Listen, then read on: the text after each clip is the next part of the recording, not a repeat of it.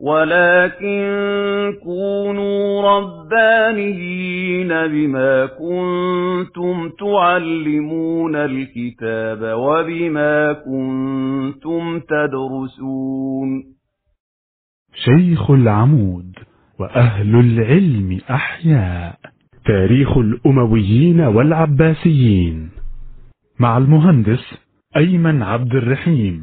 المحاضرة السادسة. وقد انعقدت هذه المحاضرة يوم الجمعة بتاريخ السابع والعشرين من أكتوبر عام 2017 من الميلاد الموافق السابع من صفر من عام 1439 من الهجرة بعد صلاة العصر بمدرسة شيخ العمود بحي مصر الجديدة محافظة القاهرة.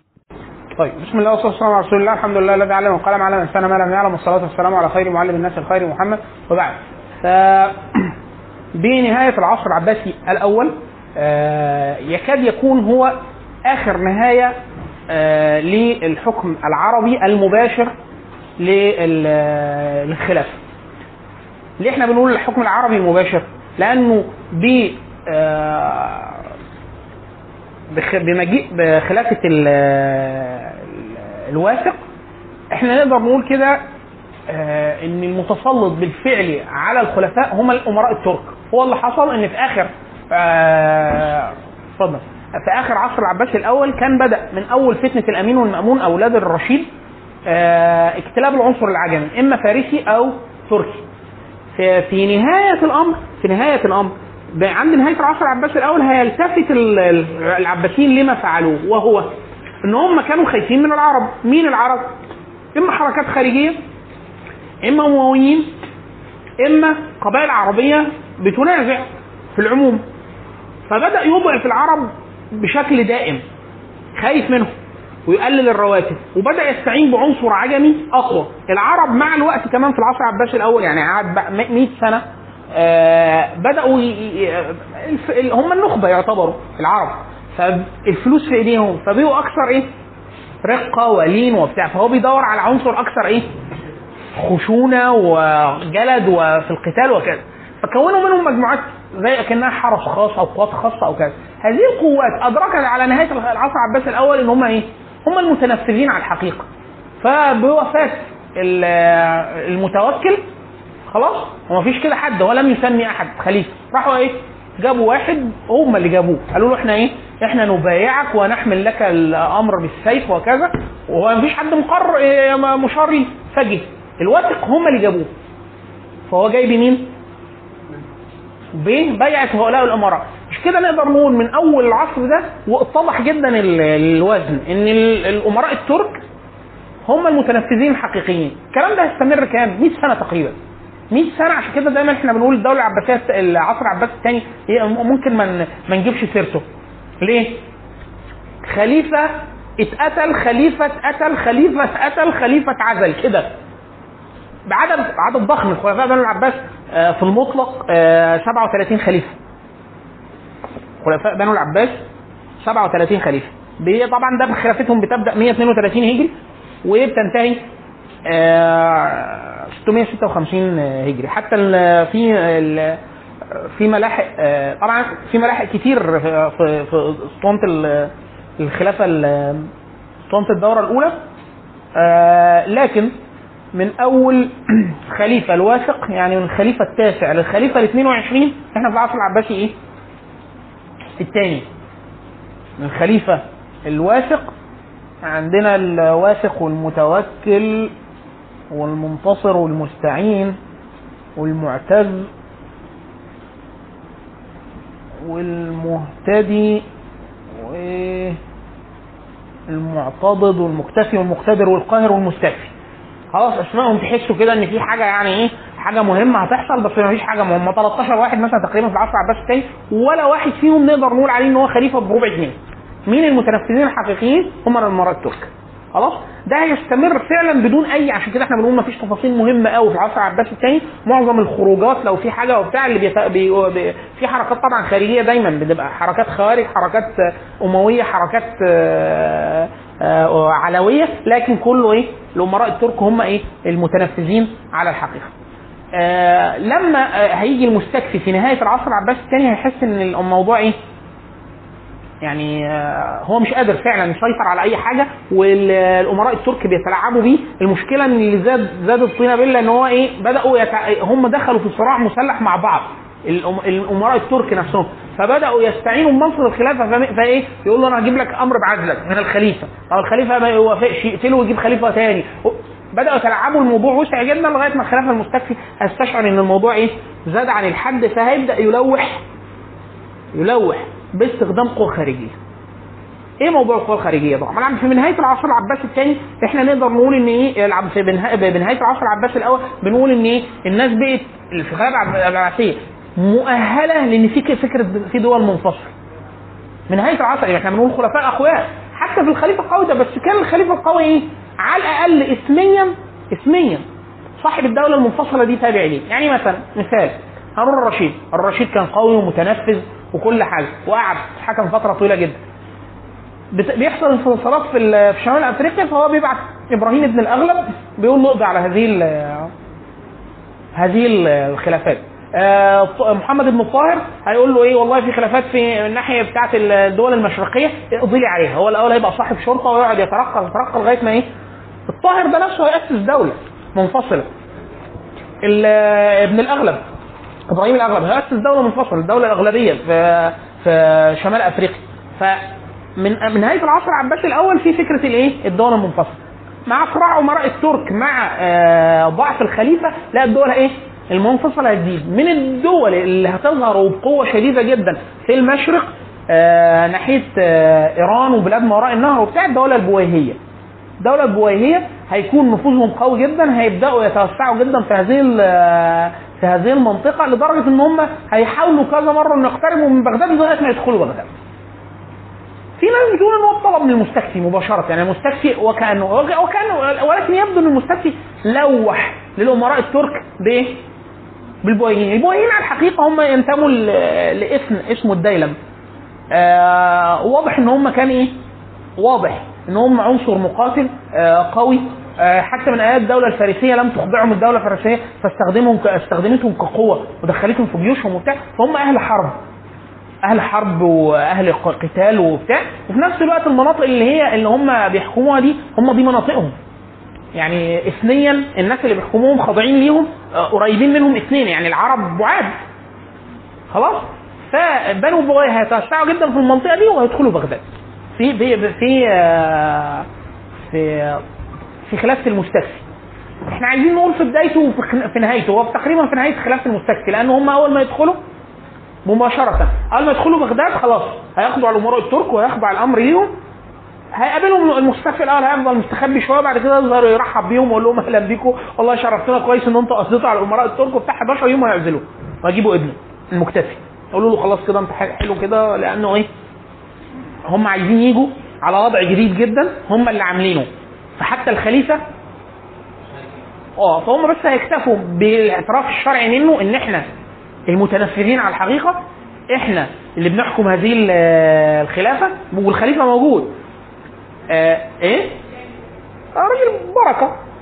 آه عارفة لما يكون إيه أنت آه في رئيس جمهورية؟ بس هو الحقيقة مش رئيس ولا حاجة. ليه؟ ما استطاعش ما استطاعش اصدار اوامر اللي تحته المتنفذ على الحقيقة مثلا وزير الدفاع. آه ده في دولة خيالية يعني مش هنا في مصر. خلاص؟ فهو ده هو المتنفذ على الحقيقة هو صاحب الدولة. عشان كده هيظهر المصطلح اللي هو أمير الأمراء. عارفين النقطة القديمة بتاعت اللي هو أمر أمير الأمراء بحفر حفرات مين؟ هو ده المصطلحات دي ظهرت في عهد بنو بويه اللي هو أمير الأمراء. هو كان مصطلح طبعا هو سماهم إيه؟ ركن الدولة نجم الدولة آه مش عارف آه حاجة الدولة دولة بنو يز- يكثر جدا فيهم فكرة الألقاب دي. اللي هو إيه؟ آه صمصام الدولة. آه نجم الدولة نظام الدولة آه سيف الدولة اللي هو إيه؟ الألقاب. قعدوا تقريبا إحنا نقدر نقول بنو هي فضلوا 100 سنة يعني العصر العباسي الثالث كله من خلافة المستكفي لغايه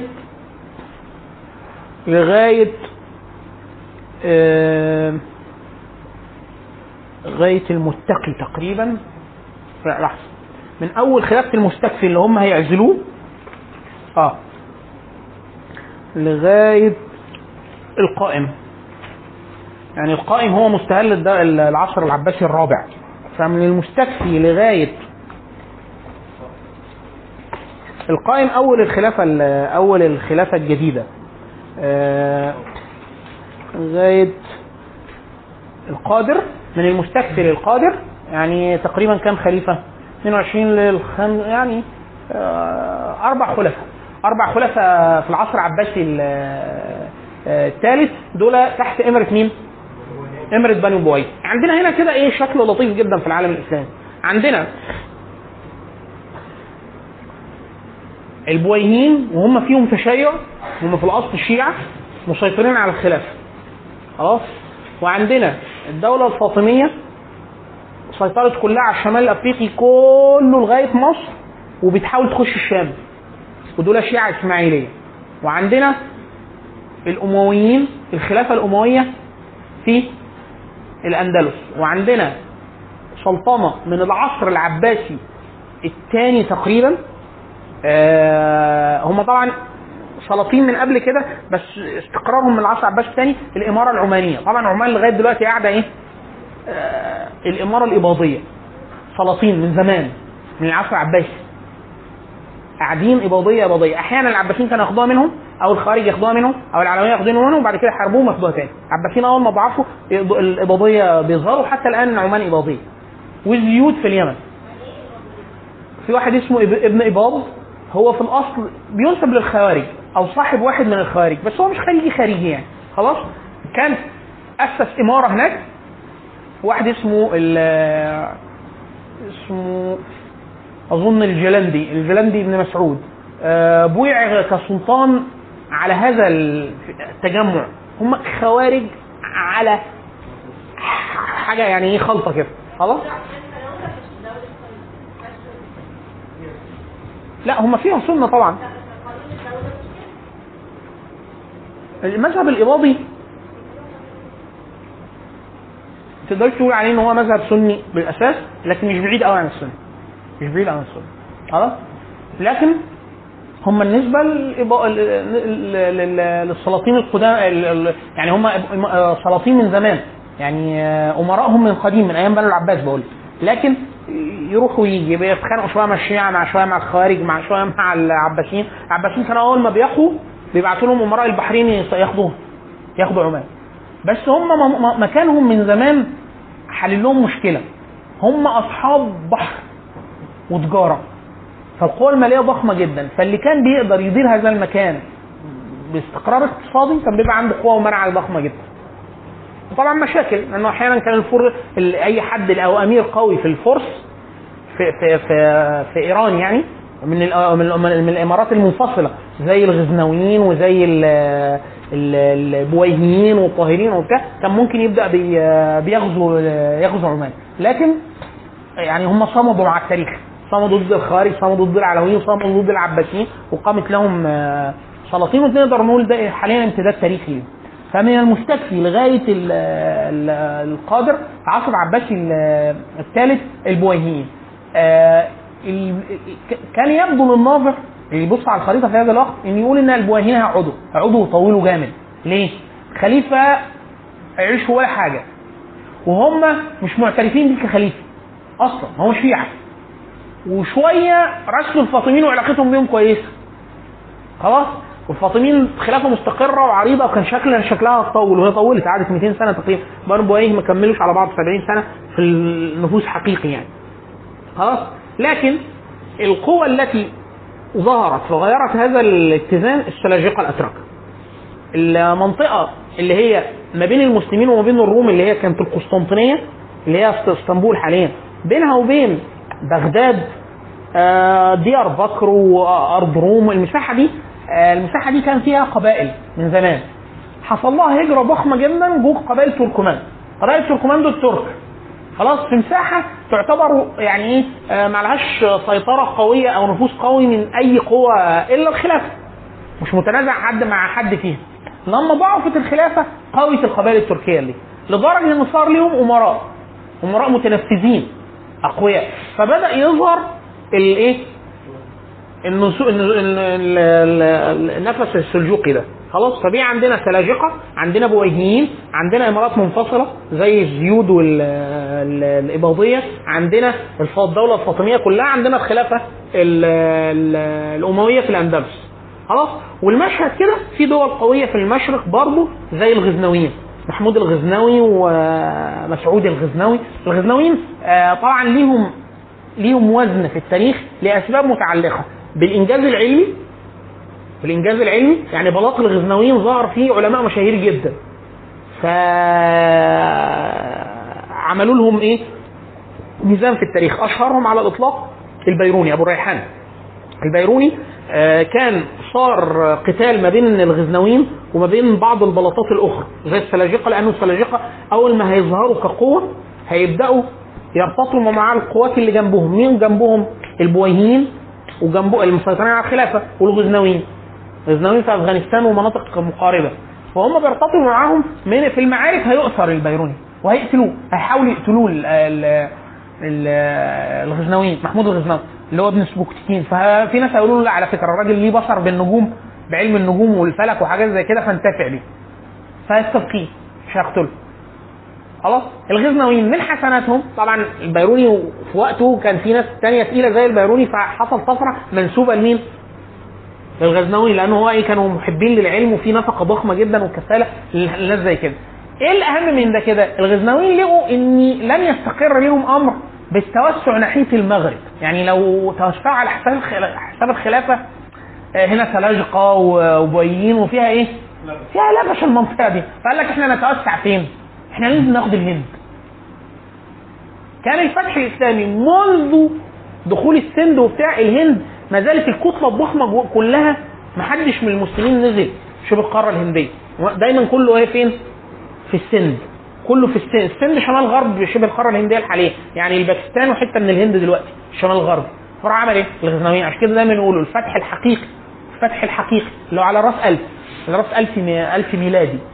آه، الفتح الحقيقي للهند على إيد الغزنوي الغزنويين. الغزنويين هي- هيدخلوا هيفتحوا الهند. وهيستقروا فيها فترة.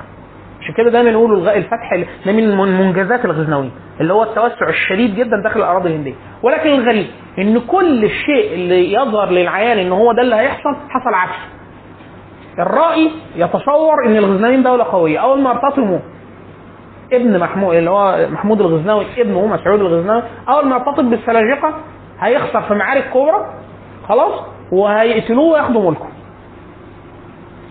آه والبويهيين ظهروا إن هم متماسكين وبتاع. أول صدام بينهم وبين السلاجقة هيخسروا والسلاجقة هيخشوا وياخذوا بغداد ويسيطروا عليها ويعيدوا ويعيدوا مكانة الخلافة لأن السلاجقة سنة.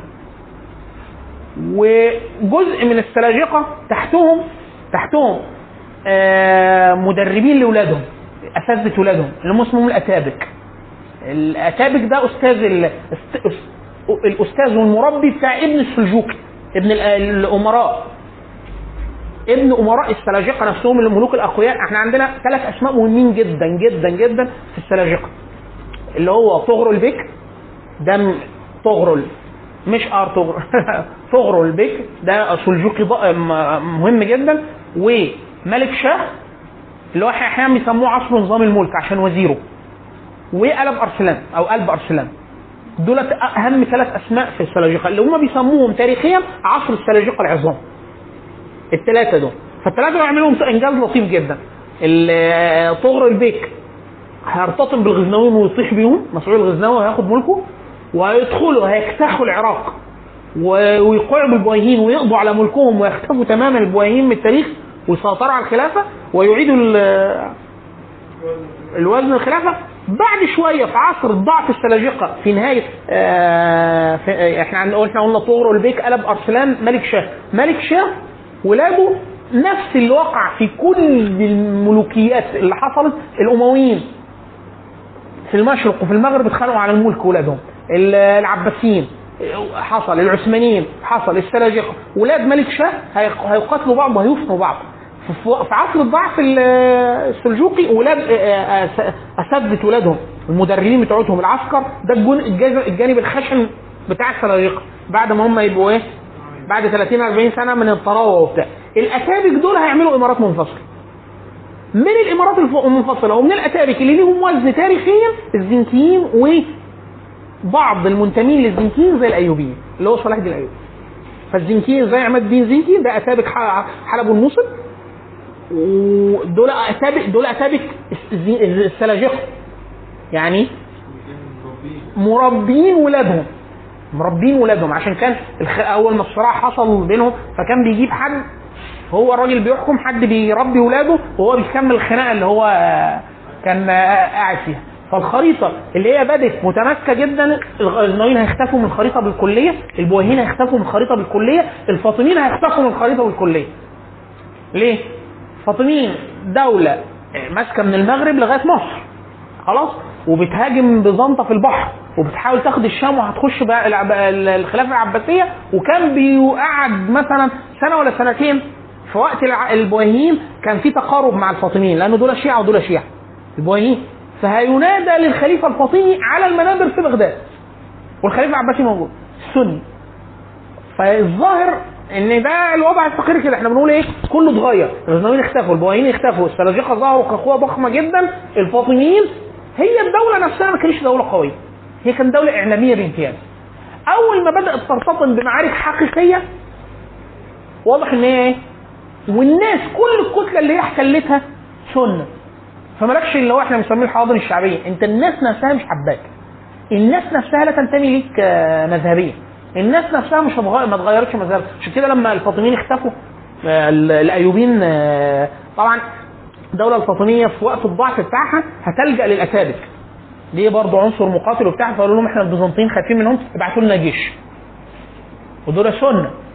الاتابك سنه فيقول له إيه؟ يقول له شروط تسهيلات واحد اثنين ثلاثة أربعة. وحد من قواتنا العسكريين يبقى وزير عندك. فيقول له ماشي. فيبعت له جيش. في أسد الدين شيركوه اللي هو خال صلاح الدين الأيوبي. وصلاح الدين الأيوبي. ها؟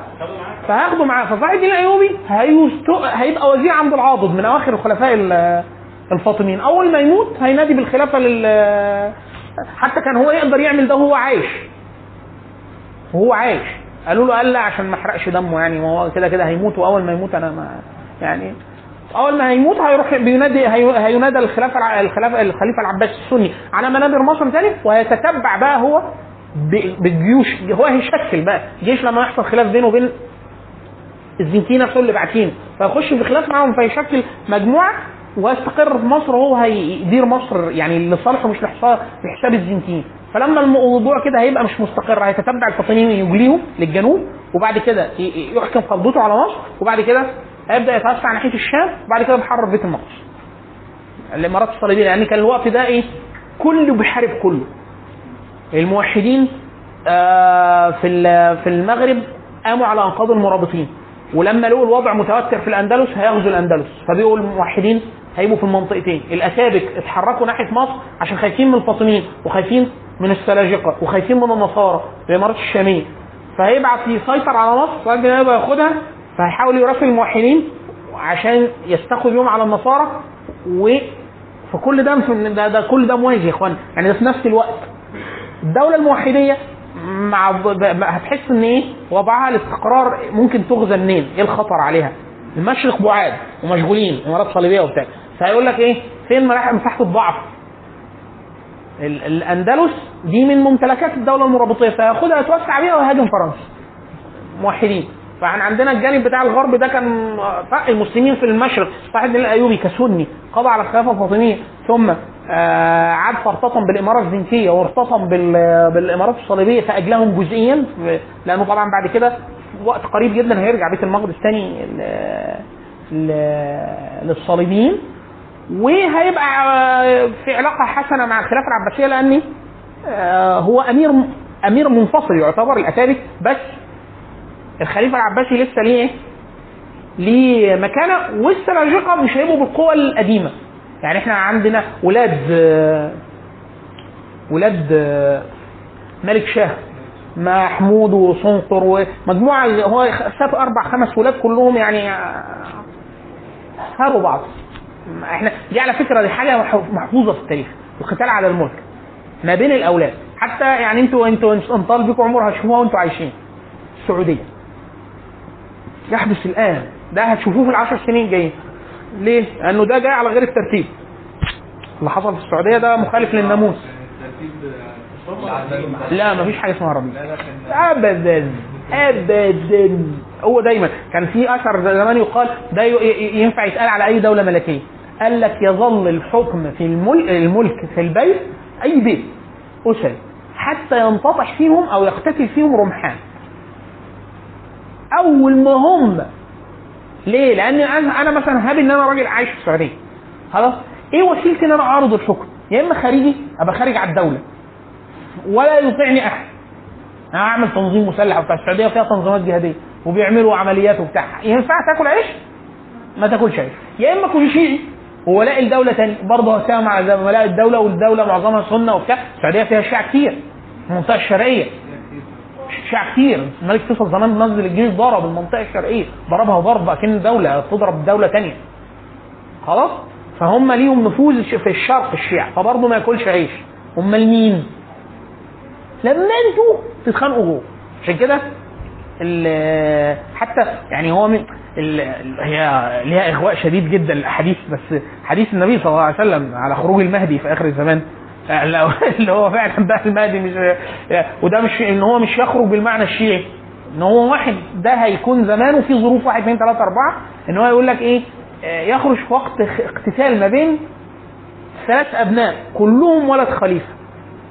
كلمة خليفة تقال للملك في خليفة يعني يخلف بعضهم بعضا يعني كلهم ولاد فحد من زمان كان من المشايخ يقول إيه؟ يقول يكون في ملك وبيخ... وأولاد ملوك بيتخانقوا على ال فالواحد حاليا لما بيشوف الم...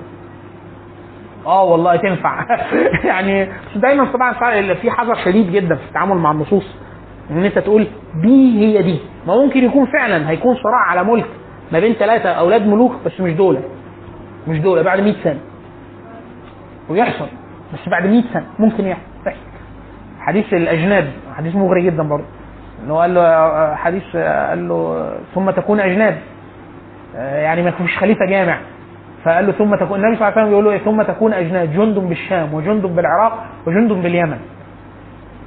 فقال له اختر لي يا رسول الله. فقال عليك بالشام. فقال ان لم استضعف فقال عليك باليمن. الحديث ده برضه مربك جدا لأنه الصورة دي الصورة دي بالشكل ده قريبة قوي من اللي مرئي اللي هو إيه؟ ثم تكون أجناد جند بالشام وجند بالعراق وجند بال... ولما يجي يسمي له قال له روح الشام قال له طب لو مش الشام قال له اليمن. سكت. طب والعراق في حاجة في العراق. لا ما في فرق بين إن هو يكون في تنازع ده لا يرتفع وفي فرق إنه يكون في حاجة واضحة عند أي حد. يعني إحنا دايما إحنا بنقول إيه؟ يعني أنت دلوقتي الروس والأمريكان وإسرائيل والنظام الله حرام يعني. وب... فاللي هو إيه؟ في حاجة حاجة هنا متماسكة قوي يعني. لكن هي سبحان الله برضه ينسحب برضه على الأحاديث اللي هي فكرة إيه؟ قد تكون هي الصورة دي. وقد تكون صورة. بس عشان كده إيه؟ فكرة العبث بمفهوم ال... كنا لسه إحنا بنقول في الدورة اللي فاتت. العبث بمفهوم التاريخ ما يعني أنت تعمل اللي عليك فإن كان هو فيعني أهو. في بشاره لأنه طبعا لما أنت بتحس إن أنت ماشي في حاجة مخبر عنها. واحد يعني الله ما ازداد في محمد إلا بصيرة. اثنين إن أنت تبقى حاسس إنه يعني قد قد أظلك زمان يحدث فيه أشياء يعني أشياء لها يعني قد تتعرض ليها يعني. تعرض ليها في الخير وإلا يعني يشهد هذه المشاهد من لا خلاق له. أنا عندي إيه اللي يخليهم هم يخليهم يتحركوا ويحاربوا فكره برضه إحنا بنتكلم عليهم دول اللي هو الناس كلها عايزه تحكم لأن انت خلاص حد محدش متعرض لك بيجي يهجم عليك علشان تيجي تقول أنا محدش بيهجم عليا بس أنا عندي قوة وشايف إن الوضع في الحكم مختل ما خدوش ليه؟ هي دي الفكرة هو دايما هيحصل فيه تدافع لا يرتفع ده دي سنة حتى الله عز وجل امتن بها على الناس ولولا دفع الله.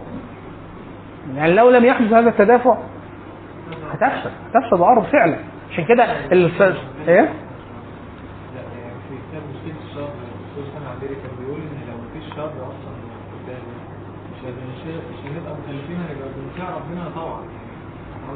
جماعة. لا وده حتى حتى لو تفتكروا إحنا يمكن إحنا معظم اللي قاعدين هنا معانا كان في دار اثنين. في حد آه آه على فكرة إن الأمم السابقة كان فيها مفهوم ما فيهوش جهاد فهو النبي بيجي بيبلغ الناس وادينا قاعدين. قاعدين مستنيين إيه؟ المنتظر، إيه المنتظر؟ اللي العذاب ياخدهم ياخد الكفار. وإحنا ننجو وخلاص. كده نهاية الايه؟ ال- الابتلاء الاختبار. وبعدين بعد عصور طويلة جدا ولاد ولاد ولاد ولاد دول يحيدوا عن أمر الله. فالله عز وجل يبعث لهم نبي. وهكذا. ده مش موجود في أمة محمد. يحصل انحراف وأصل الرسالة قاعد لا لا يحرف ولا يبدل. ولا يرسل رسول بعد محمد صلى الله عليه وسلم هو خاتم الأنبياء والمرسلين. خلاص؟ وسنه الدفاع الدفع إن الجهاد يبقى مكل تكليف للمؤمنين. هم اللي يرفعوا العذاب وهم اللي يرفعوا وما ما لكم لا تقاتلون في سبيل الله المستضعفين. ان أنت لو في ظلم هتقاتل لو في استضعاف هتقاتل لو في حتى لا تكون فتنة هتقاتل لو في وهكذا. خلاص؟ طيب الشاهد. فالسلاجقه آه الملك. عليكم السلام ورحمة الله وبركاته. بتقول دلوقتي ان في الوقت ده كله بيضرب في كله.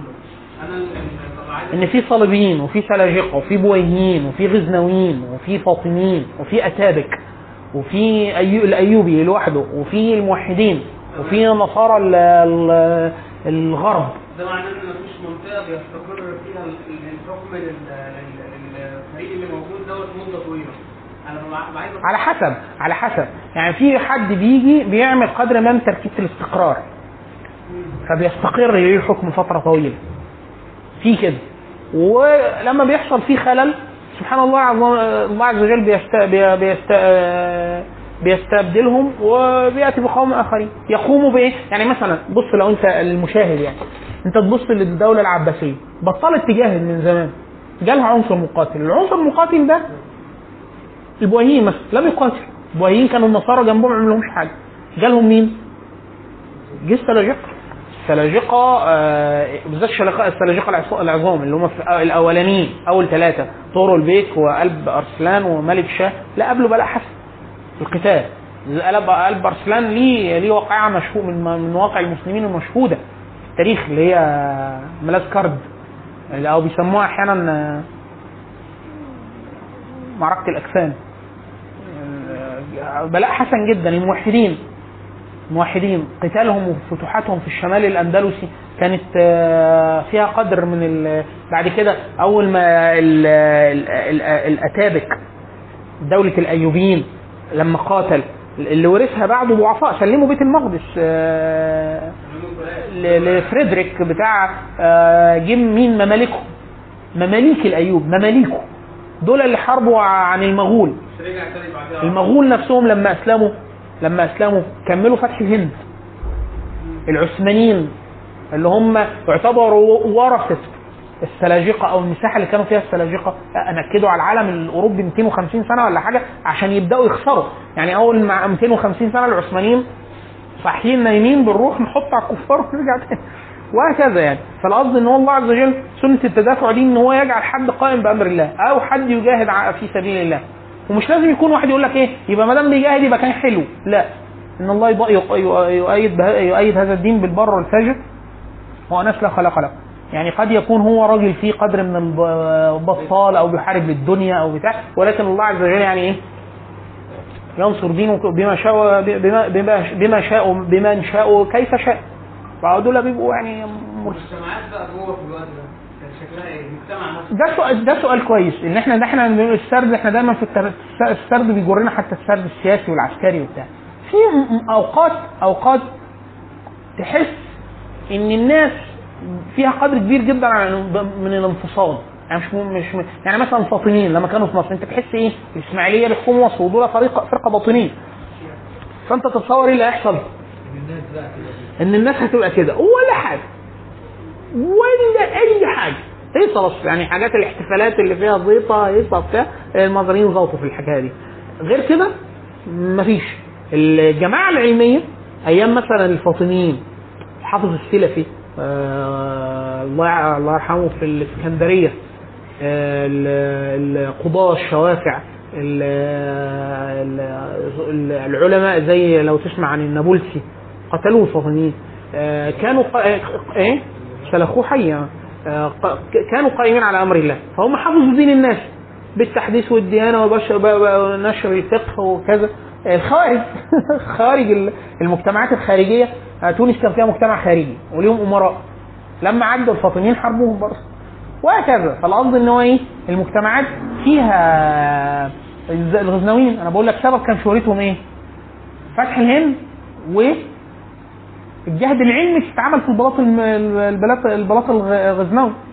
آه، السلاجقه آه، ليهم جهد كويس الأول في قتال التتار. بعد كده لما لم يقوموا بالواجب الكفائي الكافي المغول لما جه اجتاحوا العالم اجتاحوا بما فيهم اجتاحوا السلاجقه يعني امراء السلاجقه لما لم يقوموا بأمر الله والقتال وبتاع. لأن هم المغول يعني هم بيصور في في التاريخ إن هم كانوا قوة بشعة. هم فعلوا الأفاعيل لضعف الشديد في المسلمين مش عشان هم أقوياء قوي وإلا المغول لما راحوا في حتت كان لسه الإمارات القتالية اللي فيها متماسكة المسلمين سواء مسلمين أو كفار مسكوا المغول آه، يعني آه يعني مثلا المغول لما جه ارتطموا بالمماليك المماليك دول مماليك صلاح الدين الأيوبي يعني مماليك الاتابك بتوعود السلاجقه يعني شوف بتاع عملوا إيه في الموضوع مش صمدوا. ده إحنا دايما تذكر لهم عين جالوت عشان يعني حاجة كانت ماشية كده وخبطوا في حيطة. لا ده تتبعوهم. يعني بيبرس من حسناته إن هو تتبعهم. تتبعهم يعني إيه؟ هم بيطيروا وهو بيطير وراهم. يعني إيه؟ عمال بيكسبهم في معارك هو اللي بيطلبهم. لغاية ما أسلموا وبعد كده كملوا فتح ارتطام المغول بملوك فيتنام. المغول لما اجتاحوا العالم الإسلامي اجتاحوا ممالك خوارزم اللي في الأول وكسبوهم. وطبعا بعد أول ما انهاروا طبعا اجتاحوا ال- الخلافة في العراق. وراحوا الفيتنام. الفيتناميين كسبوهم مرتين. لما المغول برضه حسوا بالتوسع الضخم بعتوا اساطيل بحرية لليابان. الساموراي نفخوهم مرتين. أسطولين اتبعتوا من المغول. هو لا يذكر دايما المغول إلا الارتطام بالمماليك. لا هم خسروا من الفيتناميين وخسروا من اليابانيين. في نفس الوقت. فالدليل إن هو إيه؟ آه لا هو ما كانش قوة بهذه الطريقة. أنت اللي كنت إيه؟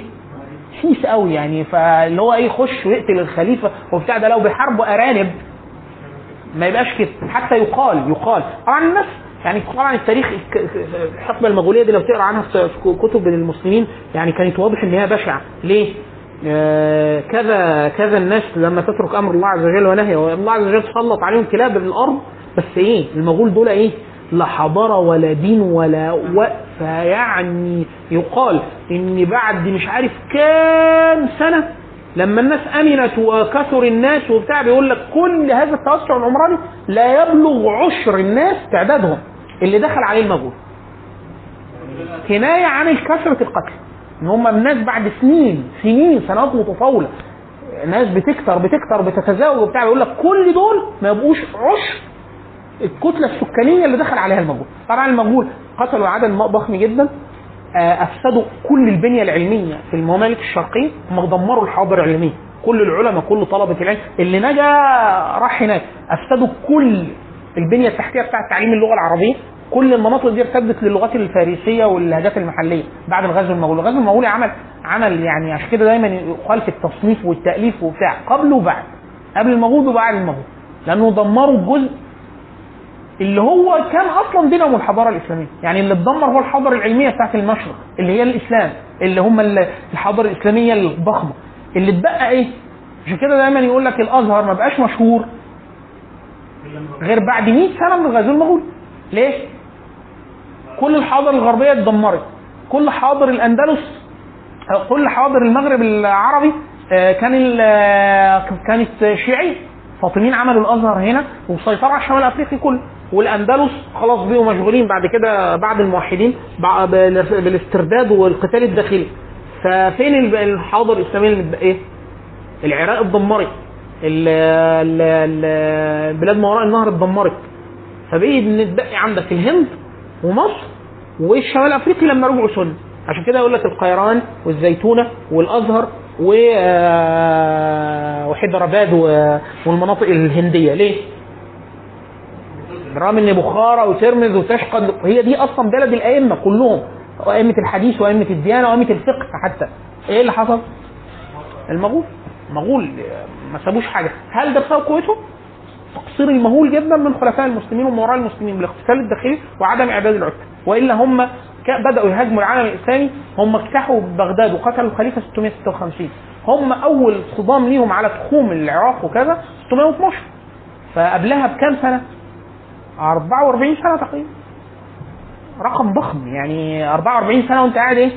عارف عامل زي إيه؟ لما يقول لك إسرائيل ضربت الدول العربيه في سنة 67 اللي هو أنت إيه؟ طب هم كانوا قبل كده بيعملوا كده؟ قال لك هجمونا في 56 وقبل كده كانوا بيعملوا إيه؟ أعلنوا الدولة في سنة 47 وأنتوا كنتوا بتعملوا إحنا كنا بنلعب استغماء. يعني إيه؟ هو واضح جدا من سنة 47 لسنة 67 ب 20 سنة. أنت كنت قاعد بتعمل إيه في 20 سنة؟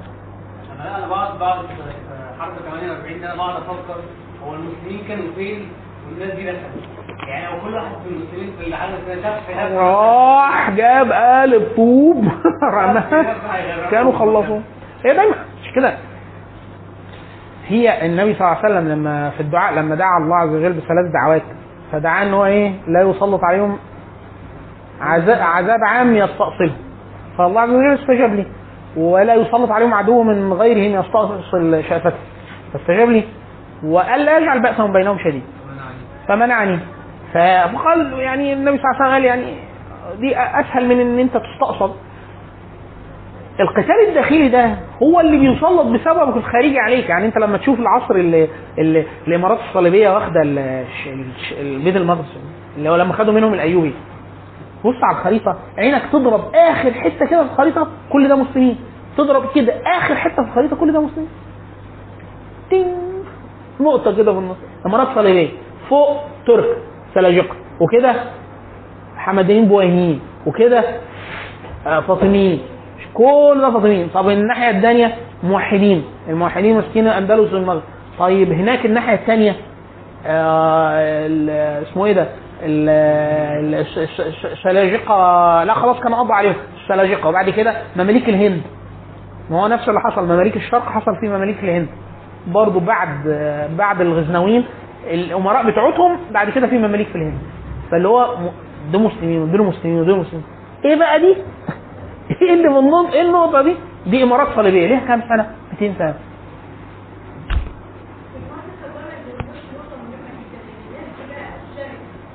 على غير الحق أصلا ما هو يعني إيه غير الحق؟ لا ما هو في فرق ما هو في عشان تعرف ان بقى بقى تعرف ان روحها خالص يعني اللي هو مش هو مش هيقرف هو مش مؤمن وهو مش مسلم مختلف بالدين برضه فاحنا يعمل نفسه ودمه ضلال حلو ده يصدق في مين؟ في أنهي مساحة؟ ما فيش ولا لا ما هو الدولة الأموية هنا سؤالك كويس هو فعلا السؤال ده استشكال هل ده حصل ولا ما حصلش؟ فالدولة الدولة الأموية فتحت إيه؟ فتحت إيه؟ فتحت السند فتحت آسيا الصغرى دي المساحات اللي توسعوا فيها جدا أرمينيا وأذربيجان وفتحت الشمال الأفريقي والأندلس. خلاص؟ فتبص الشمال الأفريقي. طب هو فتح م... ف- سيبك من مصر؟ عشان فتحت في الراشدين. من بعد من بعد آه، طرابلس وبرقة وكده. آه، تلاقي الشمال الأفريقي ده كله بربر أسلم فتح الأندلس وممالك إسلامية قائم وعربي وتمام وما وشغال. في الوقت اللي كان متأزم جدا المشرق هو قائم واقتتال داخلي ما بين الموحدين والمرابطين ثم انتقلت الموحدين للغزو وكمل فتح هناك. خلاص؟ طيب المشرق السند هيقعدوا المناطق اللي فتحوها في الفتح الأول قاعدة زي ما هي مسلمين لم تتحول لم تتحول لم تتحول لغاية ما يجي لها إيه؟ الغزنويين وبعد كده طبعا المغول لما يسلموا هيكملوا فتح. خلاص؟ وكانه القائم بالإسلام قائم بأنهي نوع من الإسلام؟ لو هو قائم بالإسلام نسخة قريبة من الأصل فتلاقي الإسلام حي في نفوس الناس وهو هو بطوعه بطوعه. ده هو مش ممكن يتحول عن الإسلام. ده هو دخل في الإسلام والعنصر اللي دخله في الإسلام اختفى من وجه من من من الساحة الفعلية في التاريخ. يعني العرب فين العرب دلوقتي؟ العصر العباسي الأول خلص والعرب مش موجودين. طب التركي ده ما يا أخي ما تتحول عن الإسلام. ده بيحارب باسم الإسلام هو ما هو ما دخلش هو دخل دلوقتي الاسلام عشان لا مش دلوقتي ده هو داخل من زمان. هي بقى هنا بقى نقطة إن هو هنا بقى ساعتها ما ينفعش أقول إن هو دخل بقوة. ليه؟ لأنه فعلا الفتح لغاية الأمويين لغاية الأمويين. المذهل مش إن ال ال ال ال ال ال ال آه إن هو المذهل مش مساحة الفتح. المذهل إن ده تم بكم من الناس قليل جدا. يعني لغاية بنو أمية لغاية بنو أمية الفتح كله النواة الصلبه في القتال مين؟ عرب عرب العربي ده وصل لفين؟ وصل لفين في الفتح؟ يعني بنو أمية الخلافة خلصت والمسلمين في الأندلس بيحاربوا جوه الأندلس وفي آسيا الصغرى ارمينيا واذربيجان والسند وبلاد ما وراء النهر ولغاية الجنوب في مصر ده في كله في نفس الوقت ليه العرب دول قد إيه؟ يبقى يبدو ان أنا بحكم هذه البلاد بعدد قليل جدا من الناس والناس اللي أنا بحكمها لم تتحول للإسلام. انت عارف المعلومة دي؟ إن العصر الأول عصر الفتح مش التحول. التحول حصل بعد زوال العرب بالكلية من الحكم. التحول الضخم للإسلام حصل في عصور السلم. في الفتح ما تحولوش. عشان كده كل الديار دي ظل المسلمين عدد قليل جدا ومدن جند والمسلمين بيتحولوا منها. من نقطة لنقطة ويفتحوا البلاد الثانية والناس نفسها قاعدة على دينها خلاص؟ ولم يغيروا الحكم.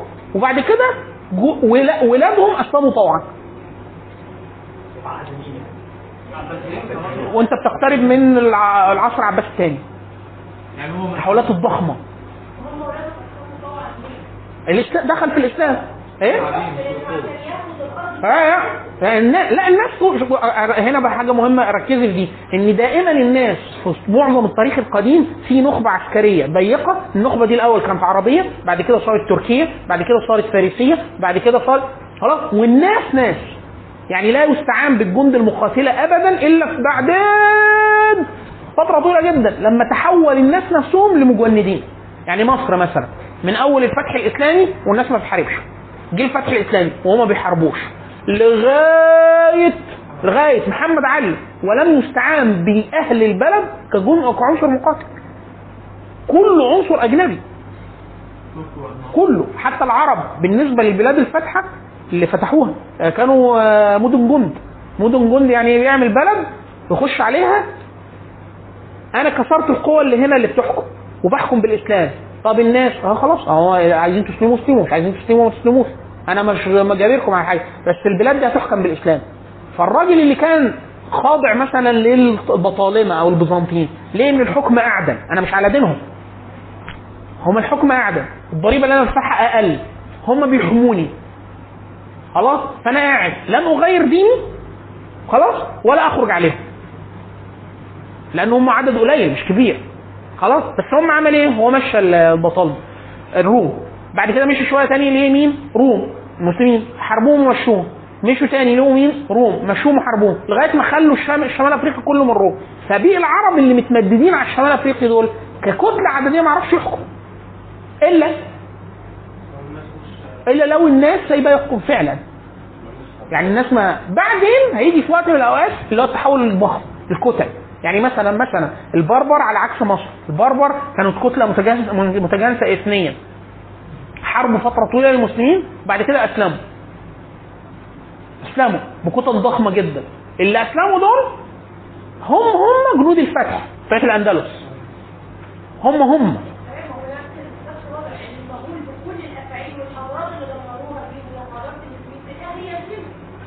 هي آه، هنا بقى سؤالين يسلم يسلم وهو قوي ليه؟ يعني أنا أنا قوي أنا قوي ودمرت لك كل حاجة. يعني أنا أصلا مش بتاع اللي هو إيه يعني أنا مش ح... آه يا ريت شاي ولا حاجة. يعني إن أنا إيه يعني أنا مثلا إيه عشان القوة. أنا أصلا دمرتك.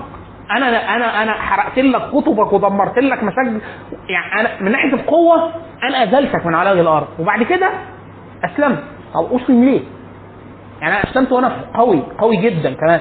فأنا مش مش متعطش للحكم مش متعطش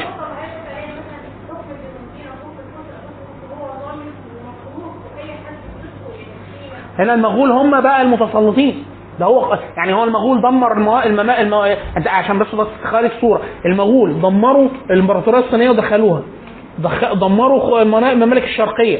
دمروا الإمارات الأوروبية الشرقية. دمروا الخلافة الع- في بغداد. واسر لا هو سؤال سؤال م- محير لو انت ما تعرفيش تفاصيل. زي إيه؟ زي ما بيسوي واحد مرة حد هنا مسيحي أظن من مصر. فكان بيقول يعني بيقولوا إن آه، أنتوا البلد دي أنتوا محتلينها مثلا. دي أنتوا خدتوها مش بتاعتكم. دي كلام وجيه ولا مش وجيه؟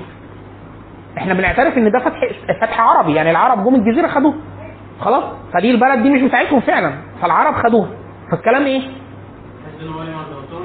شكل منطقي. خلاص؟ طيب خلاص. هنا بقى لما تيجي تنزلي عند التفاصيل دايما الغربيين يقولوا الشيطان يكمن في التفاصيل. the devil in the details هو قبل ما العرب يفتحوها كان مين اللي بيحكمها؟ البيزنطيين. قبل البيزنطيين بطالمه قبل البطالمه فراعنه قبل الفراعنه هو انت أنا خدتها من مين؟ أنا جيت على حد كان بيحكم البتاعة دي خدتها منه. فلو ده سؤالك آه أنا جيت على حد من الروم بيحكم البلد دي ومش بتاعته. خلاص؟ وقبل كده ما كانش حد من أي حد من جوه البلد بيحكمه. آخر حاجة الفراعنة. وأنت مش فرعوني. لأن الفراعنة كان في فراعنة ونصارى في نفس الوقت. يعني في أسر فرعونية والنصارى لما كانوا بيتسلطوا على المعابد الفرعونية كانوا بيطمسوها بيبوظوا الصور لأنه ده حرام. في كل الشرائع خلاص لو حد فيكم زار الأقصر ويقول لك ال- ال- الاساوسه والمتدينين المسيحيين عملوا كده. خلاص فدي مش بتاعتك اثنين إن قبل ما يخشها بقى البطالمه وبتاع ده كان فيها خمس إثنيات. مصر كان فيها بربر أمازيغ وما زالوا وفيها نوبيين وما زالوا وفيها قبط وما زالوا وفيها عرب وما زالوا. اللي حصل زيادة عدد العرب بالهجرات ده حصل وإن الإسلام جه كسر الإمارة الرومية. إمتى تحول الناس للإسلام؟ للإسلام. القبط في عهد المماليك. أكبر تحول للمسلمين. دخول الإسلام باعداد مهولة جدا من القبط النصارى. المصريين الأرثوذكس في عهد المماليك. خلاص؟ فشبهه إن أنا اجبرته في الفتح مش حاصل. إن أنا رفعت عنه العدوان وبتاع ده هو كان بيقتل أنا اللي أنا اللي ما وقفت ده. وإن الناس اللي أنا جيت عليهم هي مش بتاعت حد. يعني أنا مش جيت خدتها. يعني مثلا الفرس ممكن يقولوا كده. العرب جه خدوا بتاعتنا البلد دي بتاعتنا عشان كده ده هيقعد العرب آه، حركات الحركات ال- آه، الإحيائية والشعوبية. عند الفرس هتفضل فترة طويلة جدا. ليه؟ هو مستشعر إن أنت خدتها منه ومستشعر إن أنت خدته آه، يعني دمرت له نظام الحكم بتاعه. والبلد كلها من اسم واحد إحنا. ما حصلش في مصر ما حصلش في البربر. واحد إن طريقة الحكم دلوقتي والتغيير في اللغة وكده خلي بعد جيلين أو ثلاثة يبقى هو بعدين بعد فترة كذا جيل كذا جيل الإسلام كدين مجرد بدون قوي ولا مش قوي هو دخل فيه طواعية فعلا. ليه؟ لأنه هو دخل في الوقت اللي العرب نفسهم مش متنفذين. اختار لغتهم واختار دينهم. وهم مش متنفذين. خلاص ده المتنفذ الحقيقي آه عجمي. يعني لك أن تتخيلي إن من أواخر العصر العباسي الأول كل الدول بقت دول منفصلة. يعني أول ما العصر العباسي الأول خلص زي إحنا شفنا كلها هم دول منفصلة. يعني عندي الاخشيدي الطولوني ال- البويهي ال- اسمه عذرا الحمدانيين ال- الأدارسة الأغالبة الدولة الطاهرية الصفارية مش عارف الإباضية الزيود. كلها دول منفصلة. خلاص؟ فأنا كخليفة يعني مثلا يقول لك إيه أصل الدولة ما فيش دولة. مفيش أصل الخليفه مفيش خليفة. الخليفة نفسه ما كانش عارف يحكم الأصل بتاعه. طب يبقى العنصر ال- اللي مين؟ دي كل بلد لوحدها. وفي منهم مش مبايعين الخليفة. طب الناس جوه ملوش دعوة بالقصة دي خالص. السؤال. اللي هو الناس كانت بتعمل إيه بقى في الوقت ده؟ لا ده ملوش دعوة خالص. ملوش دعوة أنا إيه؟ ساعتها لا امكانات الدول الد- الدول زي الدولة القومية الحديثة لا هي اللي بتحط الإعلام ولا المناهج ولا أقصى حاجة أنا باخد منك ضرائب أو جزية أو أعشار أو زكوات. على حسب بقى دينك. ففين بقى الضغط اللي يخليك ممكن تحول دينك عشان شيء؟ مثلا عشان السلطة أنت مش هتحكم لو تخطط ارض مش هتحكم اسلمت مش هتحكم طب ما اسلمت مش هتحكم بس. طب اخفف الضغط المالي. من أيام الأمويين وبدأ الجور فبقى أنت بت- بتسلم وبتدفع الجزيه برضه. الحجاج عمل كده. فيقول لك إيه؟ هيسلم عشان يدفعش الجزية. هتدفعها وتدفع الزكاة. يلا. الاثنين. خلاص؟ طب هيسلم عشان انضم للجيش. مش هاخدك. لما أنا بجيب جند هبقى أجيب جند من بره البلد. فما فيش أي مبرر لو انتقلت الإسلام إلا لو انتقلت انتقال حقيقي. في مناطق في مناطق يصدق فيها جزء من اللي بتقوليه كل ما تقربي من الفرس. ليه؟ هو أصلا حضارة وهو أصلا جند وهو أصلا نظم وهو, وهو كل حاجة. هو عايز يشارك. فأنا أصلا أصلا حاسس فعلا إحساس حقيقي واضح ده ما يحسوش أي حد في المشرق. ليه؟ لأن المسلمين جوه فعلا رفع عنهم أسر الروم. التاني أنت بتتحرك في مساحة الفرس كانوا بيحكموا فرس. بس أسرة بيت. فإيه المانع؟ عشان كده هيكثر جدا جدا جدا الحركات الباطنية الحركات الشيعية في العرق في العرق الفارسي. ليه؟ تشيع تلاقي حكر على الفارسيين. أول ما تروح ناحيه المشرق تلاقي إيه؟ تشيع. ليه؟ لأنه أنا عايز حاجة تخليني متميز عن بقية مسلمين وكمان يبقى فيها حاجة اثنين عشان كده مثلا حاجة تاريخية ما أعرفش إحنا قلنا حاجة زي كده قبل ولا لأ قبل كده ولا لأ. تلاقي الشيعة ميالين قوي سيدنا الحسين. قوي قوي. عشان هو أولاد سيدنا علي اتجوزوا من بنات كسرى. اتجوزوا فرس فهو بيعتبر إن ده تزاوج لو أنا المذهب الاسم عشان كده الشيعة العرب تلاقيهم مختلفين شوية عن الشيعة الفرس. في حاجات كتير. الشيعة الفرس عشان كده تحسين إن هو دين اثني في عرق. المسألة مسألة حتى المرويات اللي هم مشبكينها ال- المكذوبة هو عامل دين كامل. عارفين النقطة المشهورة؟ بيقولوا حد من الشهات شهات آه، آه، إيران على عكس مصر مثلا آه، من بعد الدولة الصفوية ما حكمتهاش ما حكمت- ما حكمتهاش قوه عسكرية قوية. فظهرت دول آه، أي كلام الافشارين ال- القاجار مش عارف إيه حاجات كده. فكانوا العلماء أقوياء. فحد من الشهات كان بيعمل مناظرة ما بين السنة والشيعة. فيقال إن الراجل السني العالم جه اتاخر على المناظرة. فجاي فداخل على الشاه. ملكوه بيدخل له بهيئة معينة وبتاع. فداخل جايب النعل بتاعه الجزمه بتاع حاططها تحت آه، وداخل. فبقول له انت إيه اللي مأخرك؟ انت مش في مناظره وبتاع. وانت جاي سايب الجزمة وليه شيل الجزمة من تحت؟ انت عايز ما تسيبها بره. فبقول له لا اصل الشيعه حرامية جزم بيسرقوا جزم من زمان من أيام النبي. فالراجل قال له آه شوف آه أول كدبه إحنا ما كنا ما كانش فيه شيعه أيام النبي. قال له ما إحنا هو ده اللي إحنا اللي إحنا كنا جايين نقوله يعني. خلاص؟ فقال هي فكرة إن هو لأ هو لأ يعني باني تركيبة. فالسؤال هل هو السؤال لأ؟ موجود لا السؤال موجود. ده في شبهة كثيره جدا على الإسلام على فكره الدين اللي هو هل الفتح كان بالقوة؟ من إيه القوه ده العرب فتحوا تقريبا 45% من مساحة المعمورة.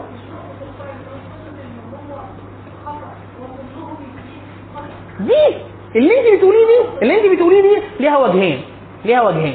في جزء منهم دخل على قدر من طرق الصوفية وطرق باطنية وفي قدر من التشيع وبتاع. في ده. فعلا. مع بقاء إيه؟ إن الأصل الصحيح وصل لهم برضه. أنا زمان كنت بتصور اني اني إن هو دخلوا الأصل المغلوط بس. خلاص؟ لكن ده مستحيل. ليه؟ ليه؟ لأن اللي كان بينشر الدين في معظم ال- ال- الحقب التاريخية دي مش الدولة. الجامعات العلمية. فالجامعه العلمية كانت غير مقيدة اطلاقا بالرايه الرسميه يعني الفاطميين. اللي يتصور ان الفاطميين دخلوا مصر. يبقى الناس هتتحول للمذهب الاسماعيلي الفاطميين طلعوا تاني يوم تاني يوم الناس مش ولا ولا واحد لا تذكر حالة واحدة في مصر إن حد تحول. هم كانوا بيعملوا إيه؟ ده ده 200 سنة. هو ده اللي هو بيسموه اللي هو مفهوم الاجتماع السياسي هو الدولة ملهاش أصلا إمكانيات. ما تقدرش أقصى حاجة اجيبك اقتلك عملوا كده. قتلوا علماء كتير جدا. جدا. يعني يقال يقال وصل بضع آلاف من العلماء. منهم من النابلسي الله الله يرحمه آه، سلخ حي. جابوا له واحد يهودي سلخه حي. آه.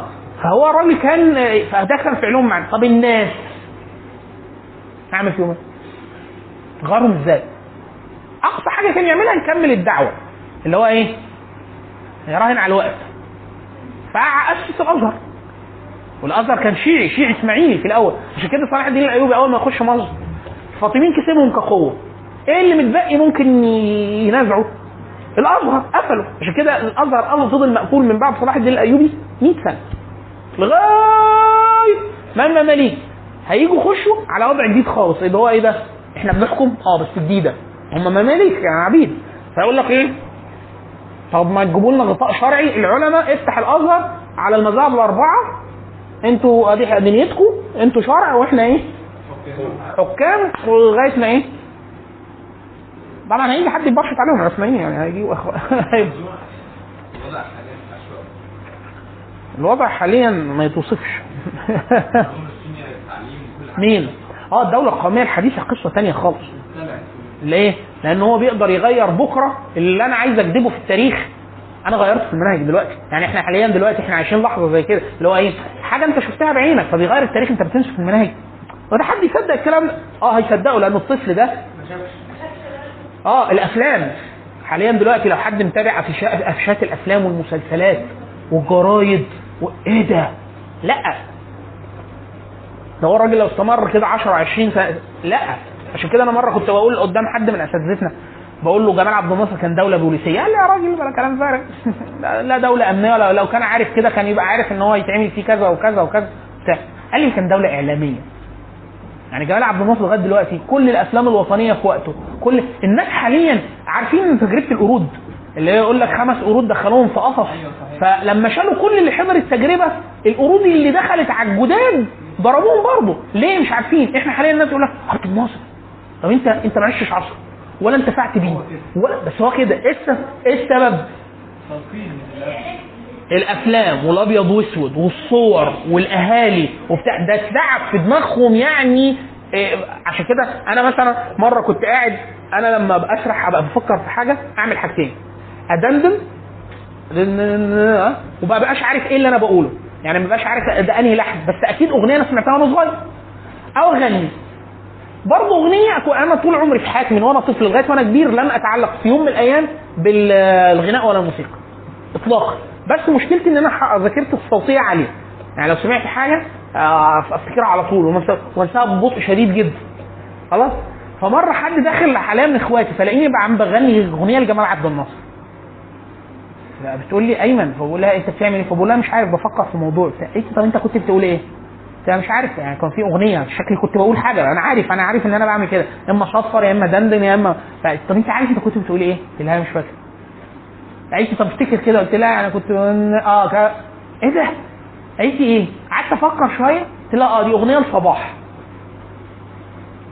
كانت بتغنيها لجمال عبد بعد الوحدة مع سوري طب أنا حضرت الوحدة مع سوريا وحضرت صباح لما كان سنها 85 سنة فما فيش أي علاقة عاطفية تربطني بيها. وما فيش يعني ما فيش أي مشترك. صباح قعدت لغاية ما كان سنها داخله هتكسر ال 100 سنة تقريبا ولا حاجة. فما فيش يعني ما فيش اي بس إيه؟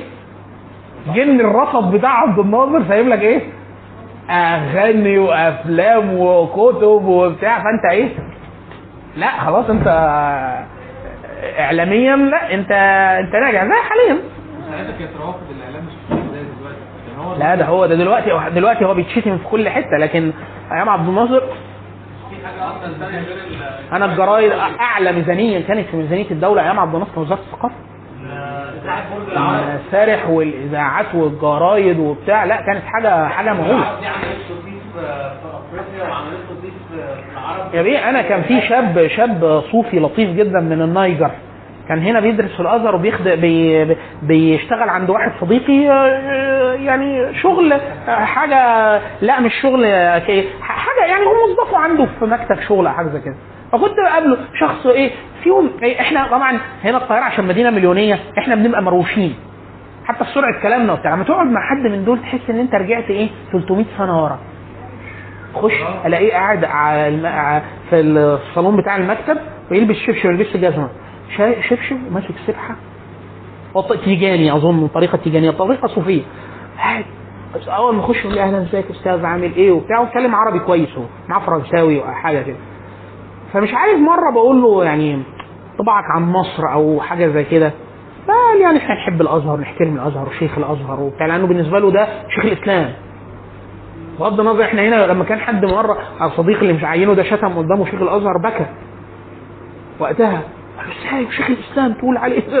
قال له إحنا يعني لا ده موظف في الدولة ما ما تقولش عليه كده يعني بس هو بص تصوره إيه فقال له طب انت تعرف فقال لي قال لي يحب عبد الناصر بشكل غير عادي فبقول له ليه؟ قال لي ده محدش علمه لغة عربية إلا من أيام عبد الناصر، المشايخ الأزهريين والأزهر أيام عبد الناصر كان قوي جدا. ما الوقت الوحيد اللي كان فيه طيران مباشر لمصر أيام عبد الناصر.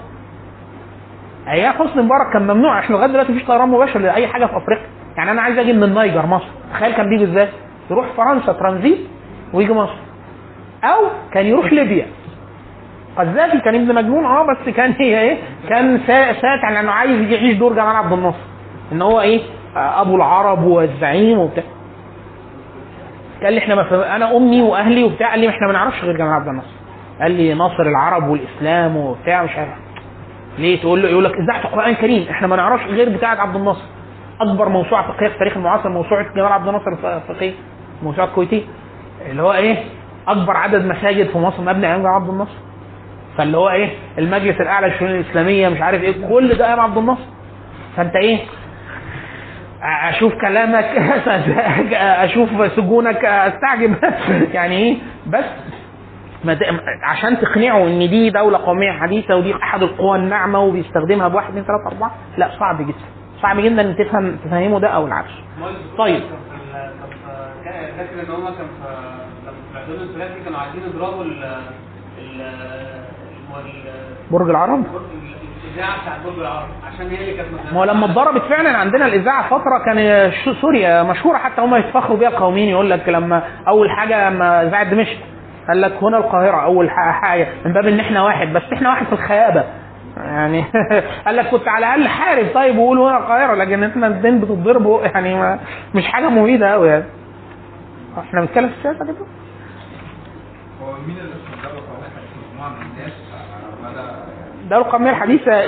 كحدث تاريخي بعد صلح وستفاليا ك آه لا إحنا عاملين قايمة. 100 كتاب في الدولة. في كتاب لو عايز تفهم الترتيبة جت إزاي واحد اسمه آه اسمه بلانشر. آه اسم آه اسم الكتاب آه الأصول الوسيطة للدولة الحديثة. لو عايز تفهم ده من أول 1100 لغاية 1400 1500 الجذور. الأصول الوسيطة للدولة الحديثة بتاع بلانشر. كتاب صغير بس محاضرات. لا إحنا في كتب الدولة فيها كم كبير جدا لكن هو بيقول لي عايز يعرف مين اللي أسس. مفيش حاجة اسمها مين أسس. هي حاجة حصلت مع الوقت. فطبعا في كتب مكتوبة كتير عن فهم الدولة القومية الحديثة كظاهرة. لكن لكن عايز تفهم أصولها جت اتركبت إزاي؟ هو وكتاب الدولتان بتاع بيرترام بديه آه، لغته وحشة قوي ترجمة وحشة. إيه؟ لا ده سؤال خارج خارج المنهج. آه مفتاح 14 زي ما إحنا أنا أقول لك. طيب أنا عايز أقول إيه؟ طيب في حاجة مهمة جدا إحنا عايزين ننتبه إليها وإحنا بنتكلم. 132 هجري. نرجع ورا شوية. إيه؟ آه، نهاية قتل محمد آه، مروان بن محمد و آه، وقيام خلافة بنو العباس. خلاص كده؟ ده حصل في المشرق. خلافة بنو العباس آه، 132 نقدر نقول خلاص قامت في المشرق في المغرب الأندلس؟ 132 ما حصلش حاجة. يعني إيه؟ ظلت لغاية 138 تقريبا. منا حسوا بإن في حاجة بتحصل في المشرق وبتاع وان بنو العباس بقوا متنفذين وكذا. خلاص 138 كانت إيه؟ نقدر نقول انتهاء عصر الإمارة. الإمارة الأموية. الإمارة الأموية. في هذه اللحظة كان أحد أمراء بنو اميه من المشرق اللي هو عبد الرحمن بن معاوية بن بن هشام بن عبد الملك كان وصل الأندلس في ظل اقتتال داخلي ما بين ما بين القبائل وبتاع بالاستعانة بموالي بنو أمية أقام الرجل إيه؟ آه سيطر على الحكم. سيطر على الحكم لمدة طويلة يعني إحنا بنقول إن هو من 138 آه نقدر نقول كده عهد الإمارة ال- الأموية. الراجل ده هيستمر لغاية ما يقترب من نهاية العصر العباسي الثاني. من العصر العباسي الثاني مش هو اللي بيحكم لا عهد الإمارة يعني هو واولاده إحنا إحنا كنا ده كل كلامنا مركزين فين؟ تحت المشرق كل الدول المنفصلة دي وبتاع. لا إحنا رجعنا ورا خطوة شوية اللي هو من أول قيام بنو العباس الموازي كان ليها إيه؟ الأندلس لم تخضع لبنو العباس تقريبا قط. بنو العباس بعتوا الناس جوه آه حاولوا يقلبوا الناس ضد بنو أمية هناك آه حاولوا يقاتلوا آه قدروا يعملوا حاجة لا. يعني بنو العباس من أول ما بسم الله الرحمن الرحيم عبد الرحمن بن عبد الرحمن بن معاوية دخل آه، الأندلس استقر ليه الحكم من 138 هجري ظلت في في ولده في ولد عبد الرحمن لغاية 300 300 هجري. كده إحنا بنقول إيه؟ ده إيه؟ عصر الايه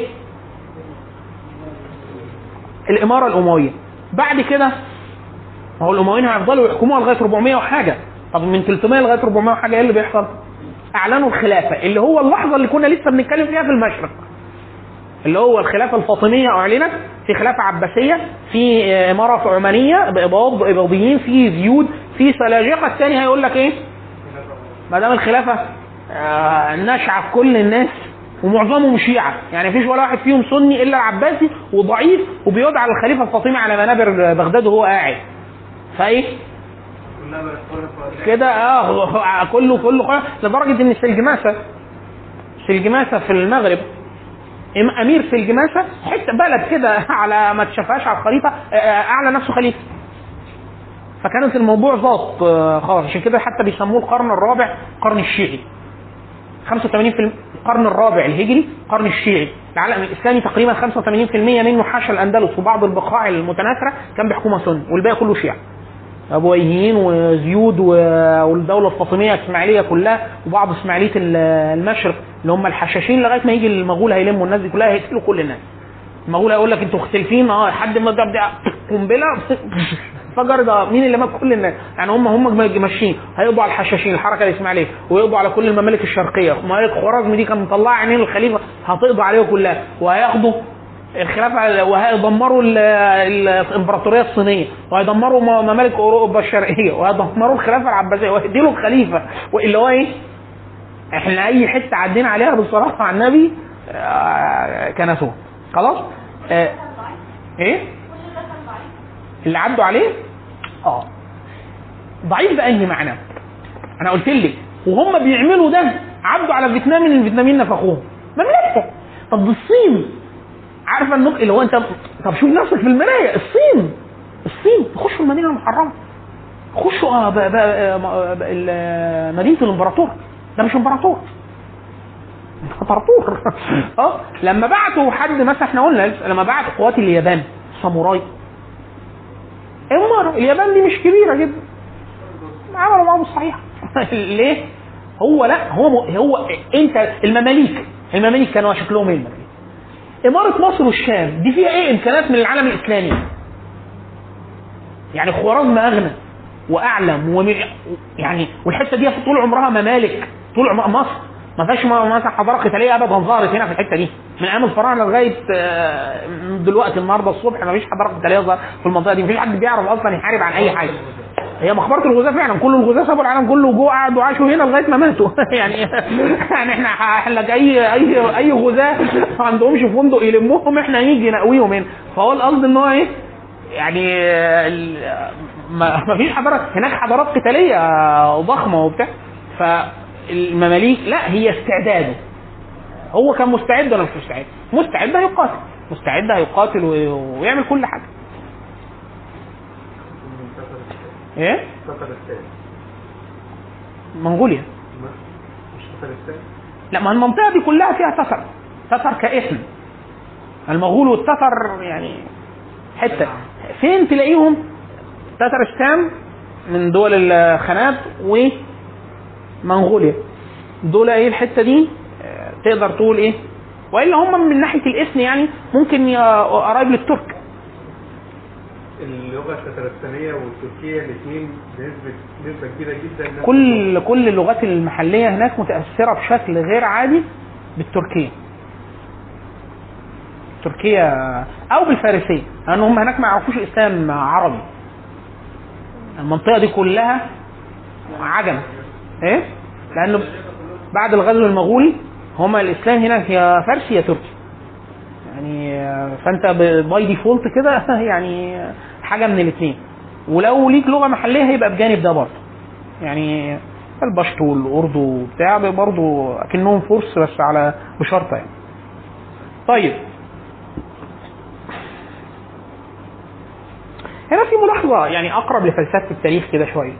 الأمويين ملكهم انهار في المشرق وأسسوا ملك ثاني على إيه؟ على نفس النمط في المغرب. خلاص؟ اللي هو في الأندلس. إيه اللي حصل؟ قعد الملك يضمحل يضمحل يضمحل طيب مفيش قوة خارجية لدرجة إن هي تزعزع الملك زي ممالك قوية زي ال- البويهين وبتاع والأمويين قاعدين. إيه اللي حصل؟ ناس من رجال الدولة الداخليين اللي هو زي الحاجب المنصور آه، ابن عامر. آه، بعد كده الدول القوية اللي جنبهم المرابطين والموحدين جو هم الملك تضعضع جواهم لدرجة إن هم جو خدوا المنطقة دي كلها. السلاجقة عملوا كده والبويهين كده عملوا كده مع بنو العباس. الأتابك عملوا كده مع الدولة الفاطمية. يعني دول الشيعة إسماعيلية ودول أمويين سنة ودول عباسيين. يعني سنة بس على حتة تشيع كده بسيطة. كلهم نفس الداء. خلاص؟ قال عثمان قال عثمان لا مفيش قوة إيه؟ هم قال لك إيه؟ إحنا اتعلمنا من أخطاء الماضي العيال بيتخانقوا على الملك. نقتلهم آه يعني يقتلوا بعض. خلاص؟ فبيه إيه؟ قال عثمان قعدوا قعدوا قعدوا قعدوا قعدوا. إيه اللي حصل؟ علمانة من الداخل. يعني قال عثمان دول ما حدش نزعهم. بس إيه اللي حصل؟ برضه أدى في الآخر إلى تخليط الدين نفسه من مضمون. يعني ما جاش بقى حد يحمل مك... يعني ساعتها كان إيه؟ وكأنه لو إحنا عايزين نجردها اللقطة اللي إحنا بنتكلم عليها إن في واحد ما بيقومش بالأمانة فبيجي واحد أخشن منه. يا إما خشن وعلى دين يا إما خشن ومن غير دين. خلاص؟ وبيحمل إيه؟ الأمانة. العثمانيين غشم جدا جدا لدرجة لما دخلوا مصر العلماء الأزهر قالوا عليهم خوارج وكفروهم وبتاع لما حاربوا المماليك. المماليك حالة من الضعف والتراخي وبتاع قالوا عثمان جو أقوى وبتاع وكملوا حموا العالم الإسلامي وراحوا نكدوا على أوروبا. قعدوا كده. ما حدش زحزحهم. ما حدش زحزحهم. قاعد قاعد قاعد قاعد لا ما حدش عارف يرث منك الأمانة. ياخدها يأدي ولا أنت عارف تعدل نفسك من الداخل. يستبدلكم. ويأتي بقوم آخرين. جاب لهم فعلا حد تاني. مين؟ إن هو يكون بقى كويس ولا وحش؟ حتى الله عز وجل ممكن إيه؟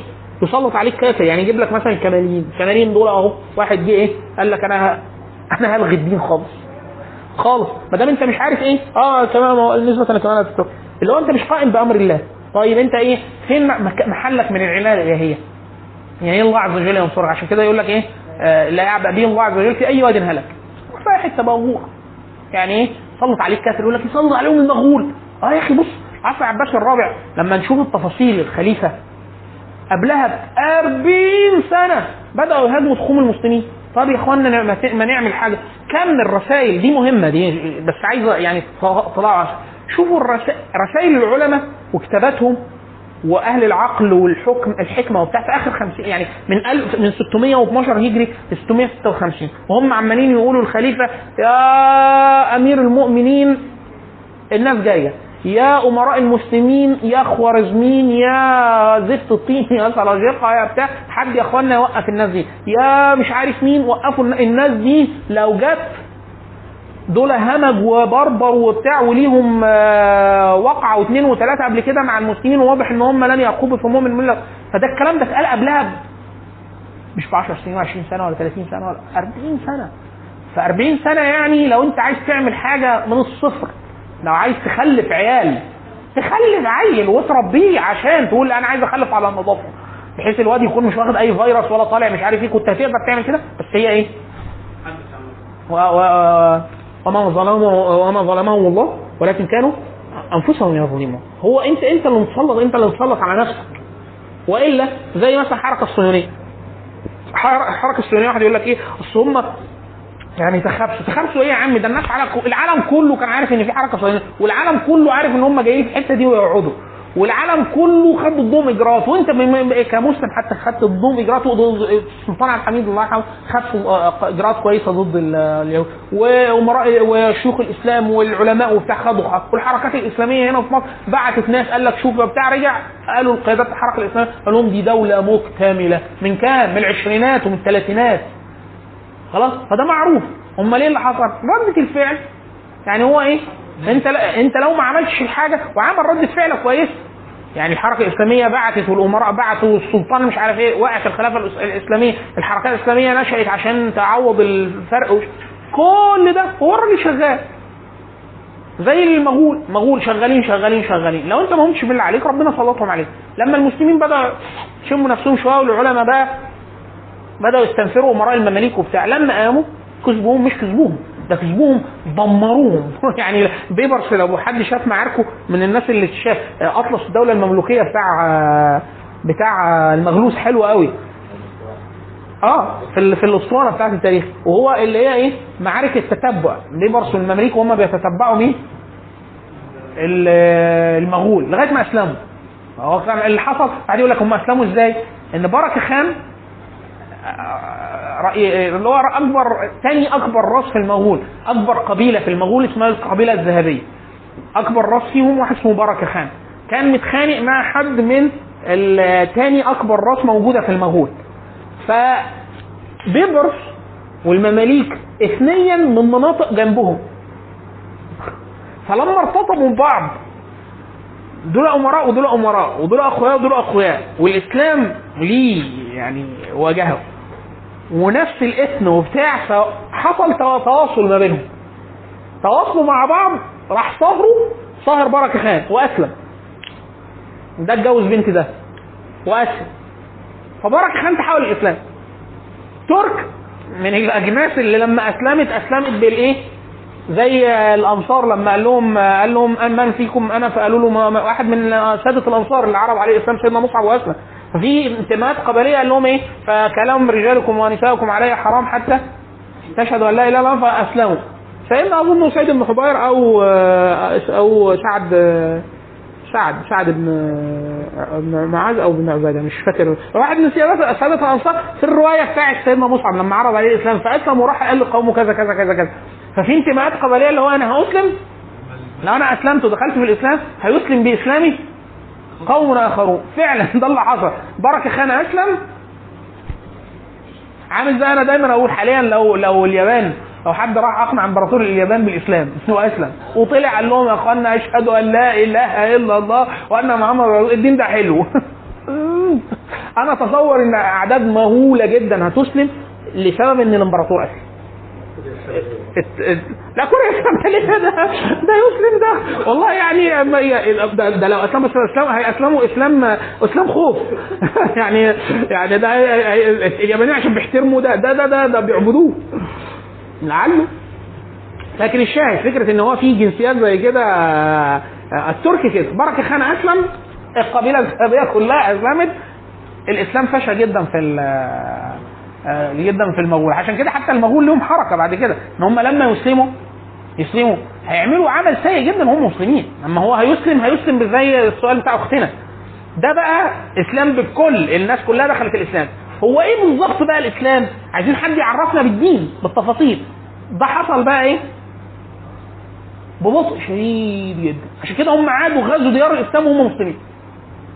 في صورتين. قزان اللي هو ابن ابن جنكيز خان والزفت ده اسمه إيه قتل بهدل الهند وقتل الخليفة العثماني. تيمور تيمور لانك. ده بيسموه فتح الدنيا. تيمور لانك ده كان غشيم جو وبرضه آه، مغولي بس على تشيع. فهم وهم مسلمين برضه عملوا افعال ما عقلوش غير ولاد تيمور. ولاد تيمور لما فتحوا استقر خلاص بيهم الحكم اللي هم مغول الهند آه، ال- الحضارة كانوا اللي ضرب في محمد الفاتح أو حد من آه، بيزيد بيزيد الصاعقه ده أثره أثره حطه في قفص. ق- اللي هو سلطان العثمانيين. اللي هو كان الأمير بتاعه؟ بيزيد آه. بيزيد الساعة و- وده حتى كان من الحاجات المذلة جدا في تاريخ المسلمين. دخل معاه مع في جيوش ال- تيمور لانك ارتطمت بجيوش العثمانيين. فلما ارتطموا بيه كسبوا. تيمور لانك كان يعني فعلا جيوشه كانت ضخمة جدا. اثروا وحطوا في قفص. قفص زي زي الحيوانات كده. وكان في وقت ابن خلدون. ابن خلدون. إيه؟ مش خليفة. الع- العثمانيين في أوائل أمورهم لم يدعوا الخلافة قط. اتقال عليه سلطان. سلطان المسلمين. لأنه هو كان مت... يعني ما بيحكم مساحه ضخمة جدا. يعني. آه، يعني كان لا ده تحت ولاية مين؟ ده ده, ده كان عايز يحكم العالم كله فعلا. لكن الشاهد هو برضه كان أقرب للمختل يعني أنا أظن ما كانش طبيعي قوي. آه ولاد تيمور قعدوا بيحكموا الهند لغاية 1800 وحاجة لغاية ما جه الإنجليز يعني. يعني قعدوا يحكموا بعد اللقطة اللي إحنا بنتكلم فيها دي آه تقريبا 400 سنة. حكموا الهند بعد كده آه، اباطره المغول المسلمين. ولاد تيمور هلاين آه 400 سنة تقريبا. هو العالم العجمي الترك العنصر التركي تقريبا هو كان يعني هو ده القائل يعني إحنا قعدنا مثلا 400 500 سنة ترك. الأتراك هم العالم الإسلامي كله سني. عشان كده كتير جدا في الادوات الغربية لما يجي يتكلموا عن الإسلام تلاقوا عالم تركيا. هم ما يعرفوش غير تركيا. في فيديو مشهور جدا عن خطر الإميجريشن عن أوروبا. خطر اله- الهجرة. فتلاقي يقول لك إيه عدد المسلمين كذا ويجيب تركيا تركيا علم تركيا. وما يعرفش غير وأحيانا في الأدوات الغربية يقول لك الأتراك. أو الأتراك المحمديين يقصد المسلمين تركيا المسلمين. ليه؟ لأن هو آخر مرة ارتطمت بها الدول الأوروبية مع كيان سياسي جامع المسلمين في الدولة العثمانية. فهم ما يعرفلناش إحنا حاكم قوي مركزي غير السلطان العثماني وحاليا الأتراك لما بيجي يتكلموا بيتكلموا بالنهجة دي اللي هو فكرة إحنا عايزين نستعيد ممتلكاتنا ورعايانا. فكل دول جمهوريات آسيا الوسطى ما يعرفوش غير تركيا. تركيا حتى هم كتير جدا يشيع جدا على لسانهم حتى لسان الرؤساء. يقولوا الأخت الكبيرة تركيا. أو يقولوا إحنا على آه، آه، الدين والنسخة المعتدلة من الإسلام التركي. كلمة تركيا عندهم آه، أساسية. وتركيا طبعا من الناحيه القوميه حتى ومن ناحية النفوذ آه، ده مهم جدا. المغرب قال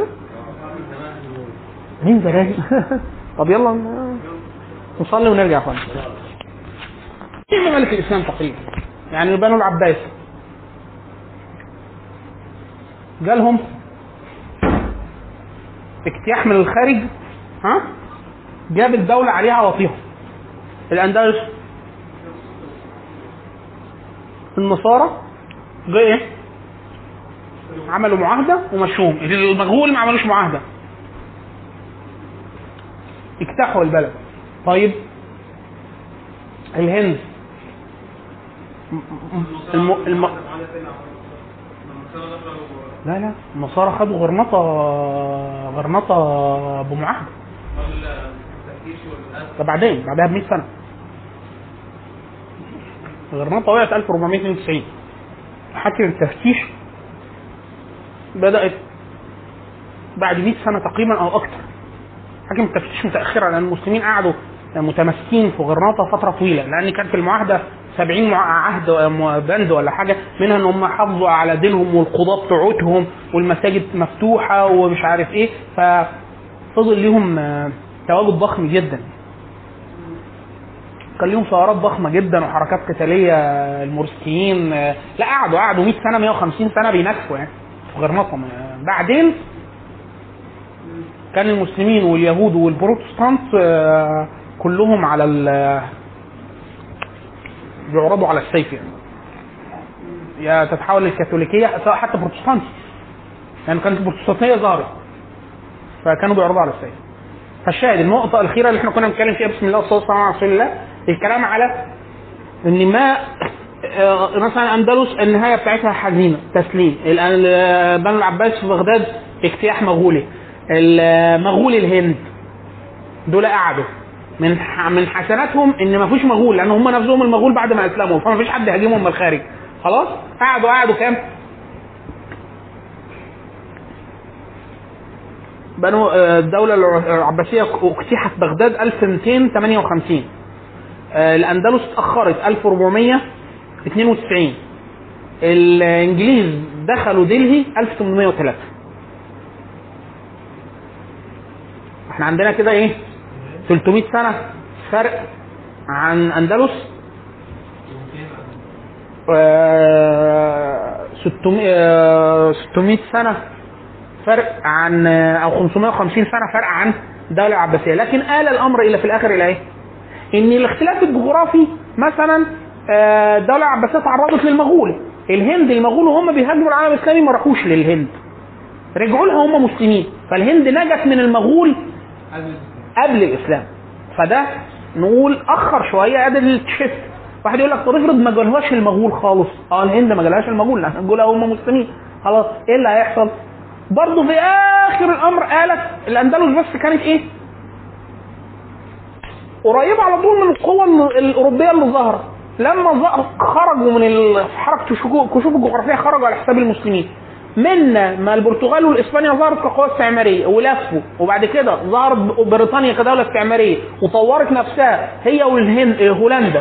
ونزلوا آه، بشركاتهم اللي هي شركة الهند الشرقية البريطانية وشركة الهند الشرقية الهولندية. واجتاحوا الهند وحكموها 1803 في كتاب اخوانا كتاب وإن كان بعد الحقبة التاريخية اللي إحنا بنتكلم فيها بس الناس لازم تدرسه. أخونا عبد الرحمن اللي كان بيسأل على جذور الدولة القومية الحديثه اللي عايز يدرس ما يدرسش الدولة القومية الحديثه عشان يعرف العالم كله اتغير كده إزاي. يدرس الشركات نشأة الشركات. السؤال بتاع العالم هو نشأة الشركات لأن الشركة نشأت قبل قيام الدولة القومية الحديثة حركة الكشوف الجغرافية كانت بذرة الشركات العابرة. خلاص؟ ففي كتاب مهم جدا اسمه الشرك الشركة التي غيرت مسار العالم. شركة الهند الشرقية البريطانية.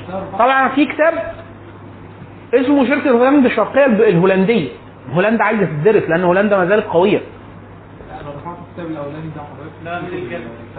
السواحل اللي هو لا مش فاكر. مش فاكر, المصنف لكن الكتاب موجود بي دي اف شوف اسمه كده لو في نت أنا عايز اسم المؤلف. اسمه الشركة التي غيرت وجه العالم.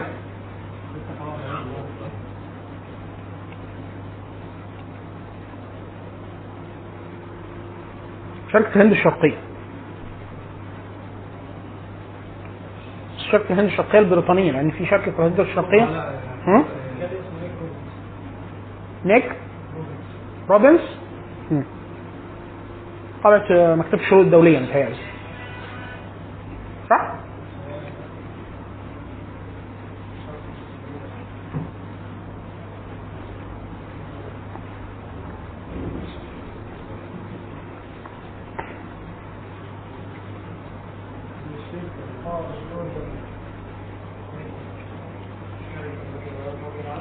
أيوه إن هي إيه بدأت تتحرك من 1600 1700 التاج البريطاني ما استهلاش على الهند غير متأخر جدا. يعني خدها من الشركة. كان اللي خدت الشركة ونزلت بقوات تحت المسلمين وعزل سلطان المسلمين ومش عارف إيه وبتاع دي شركة الهند الشرقية البريطانية. شركة. والعالم كله هو لما دلوقتي ما فيش غير الشركات. تحكم العالم في المجال الادويه في بحث عن قوات ولا سياسات طب ما هو حاليا بيستخدموا الدول بجيوشها تعمل اللي الشركة عايزاه.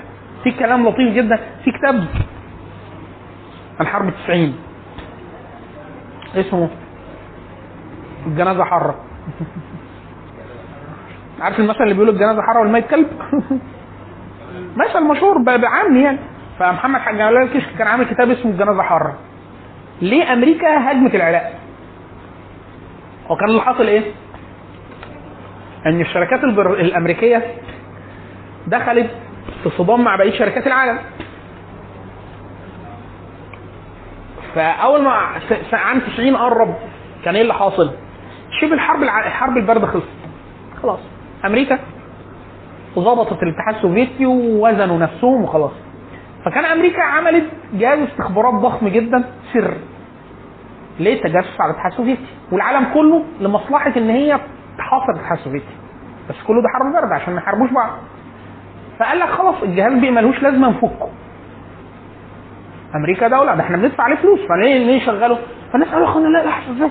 خبرة فنية ضخمة جدا وأجهزة وعملنا شبكة ضخمة جدا. ليه نفكه؟ خلوه. طب نعمل بيه إيه؟ نتجسس بيه على الشركات غير الأمريكية ونبيع المعلومات للشركات الأمريكية. فالجهاز قاعد شغال سنة 2006 واحد منهم اختلف معاهم على الأجر ففضحهم. وكانت ضجة كبيرة جدا. ليه؟ فوجئوا بالاتي شركات ألمانية وصلت لاختراعات وابتكارات ميكانيكية جسسوا عليها. خدوا النهو وادوا للشركات الأمريكية. آه شركات يابانية داخلة في منافسه مع شركات أمريكية. للحو... عند الحكومة الصينية.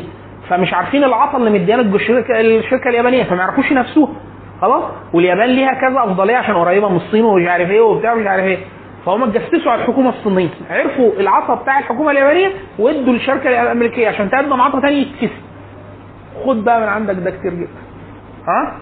ف الشركات هي بالفعل اللي في الآخر الدولة كلها بتصب ليه هربرت شيلر في كتاب المتلاعبون بالعقول قال لك القطاع الخاص في أمريكا لما القطاع العام جه يفتش عليه ما عرفش. يعني شركة زي مايكروسوفت لو الحكومة الفدراليه عايزة تلزمها بشيء هتلزمها إزاي؟ قول له أنا أبعت لك مراقبين فنيين عندي. يا ابني أنا أنت العبيط. أنا أقوى شركة أنا أقوى شركة. يعني أنت فعلا ما عندكش حاجة فنية؟ الج- الجيش الأمريكي لما جه يطور حاجة في في محركات طائرات وبتاع أو كان جزء منها ال BMW ومش عارف حاجة. اللي هو أنت بتتكلم بتتكلم على الشركات. العالم بتتكلم على الشركات وبعد كده على هامشها دول. مش كده عصر الدول القومية الحديثة تقريبا؟ خلاص انت مش موجود. يعني انت بتتكلم دلوقتي؟ إيه؟ أكبر 10 دول أكبر 10 شركات في العالم اللي هم شركات أمريكية آه تقريبا مش عارف كام دولة من العالم ما عدا مش عارف كام دولة العشر شركات الكبرى قد الدول دي كلها. الدول. يعني يعني مثلا دول العالم العربي كله مثلا.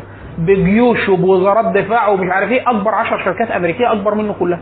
مش أمريكا أكبر منه أكبر 10 شركات بس. لا لا هم مجموعات. يعني الأفراد بيستفادوا وبتاع بس ده لا لا يمنع إن إيه ان الشركة تتحرك. فمحمد جلال كشك كان بيقول إن شركات البترول آه، آه، وبعض الشركات المنافسة لليابان في الإعمار والطاقة وبتاع ووصلوا قبل حرب 90 فعلا برضو اليابانيين آه، كعبهم عالي قوي على اليابانيين الأمريكان في ده. فعملوا دراسة لقوا إن معظم البترول اللي بتاخده الشركات اللي بتاخده المكنة الصناعية اليابانية كلها 80% منه هم وألمانيا واخدينه من المنطقة من العراق والكويت فأوعزوا للعسكريين إن إحنا عايزين المنطقة دي تو- توقف إصدار بترول. فعملوا schedule كده ومشوا عليه وبالفعل وقفوا إنتاج عشان كده لما دخلوا العراق هم ما راحوش حرروا الكويت. لو حد ما يعرفش أدركت ده لا. ما راحوش حرروا الكويت. ضربوا العراق. خلاص؟ وسابوا الأبار فترة طويلة جدا ما بتنتجش. ليه؟ لأن هم أمريكان قاعد يقول لك عشان البترول. أمريكا طول عمرها ما احتاجتش بترول من المنطقة. طول عمرها أمريكا أعلى احتياطي بترول في العالم في أمريكا. وخام كويس. أمال هو بيعمل إيه؟ هو كان 80% من ال- ألمانيا واليابان معتمد على البترول ده وقفوا له. هم حاليا لما مسار الطاقة اتغير هو فك من المنطقة عشان كده تلاقي المنطقة حاليا مش أمريكا مش مهتمة قوي بالمنطقة زي زمان ليه؟ لأن البترول أنا عندي زيك الخام مثلا إن أنا كنت أخلي الخام بتاعي آه، معايا احتياطي عالي وأنت تصدر بإيه؟ بحاجة رخيصة واستراتيجيه استراتيجيه أنت مهم عشان الاتحاد السوفيتي مفيش اتحاد سوفيتي فالمنطقة مش مهمة جيو استراتيجيه آه، جيو سياسيا يعني ومش مهمة من ناحية النفط وحاليا استخراج النفط من. استخراج ال- النفط من ال- الصخري والغاز ومش عارف آه شوية حاجات تانية. فأنت فقدت كل حاجة. فعشان كده حاليا كل اللي بيلعب في المنطقة المحليين بس. يعني لو ده أنت عرفت تلحق توقف ده وقف لا مش. أنا شخصيا مش هعمل حاجة. أنا مش هنزل على الأرض. وإلا لو جورج دبليو موش مثلا موجود بنفس إمكانيات أمريكا العسكرية والاقتصاديه هم حاليا في أزمة اقتصادية من 2006 2008 آه كان زمان ودخل لا دخل ليبيا ودخل سوريا ودخل مصر ودخل ايران كان نزل على الأرض. ليه؟ لأنه مفيش حد فعلا قوه توقفه. بس هو ما يقدرش على ده اقتصاديا حاليا. والصين موجودة والهند موجودة فاستنزافه سهل. آه؟ لكن آه، لأسباب مختلفة تاني هو الشركات هي اللي بتوعز ليه. آه، مثلا تدمير يوغوسلافيا وهو بيضرب يوغوسلافيا. المكنة العسكرية الأمريكية كان أحيانا بيطلع بطلعات مش عارف 300 طيارة اف 16 وشبح.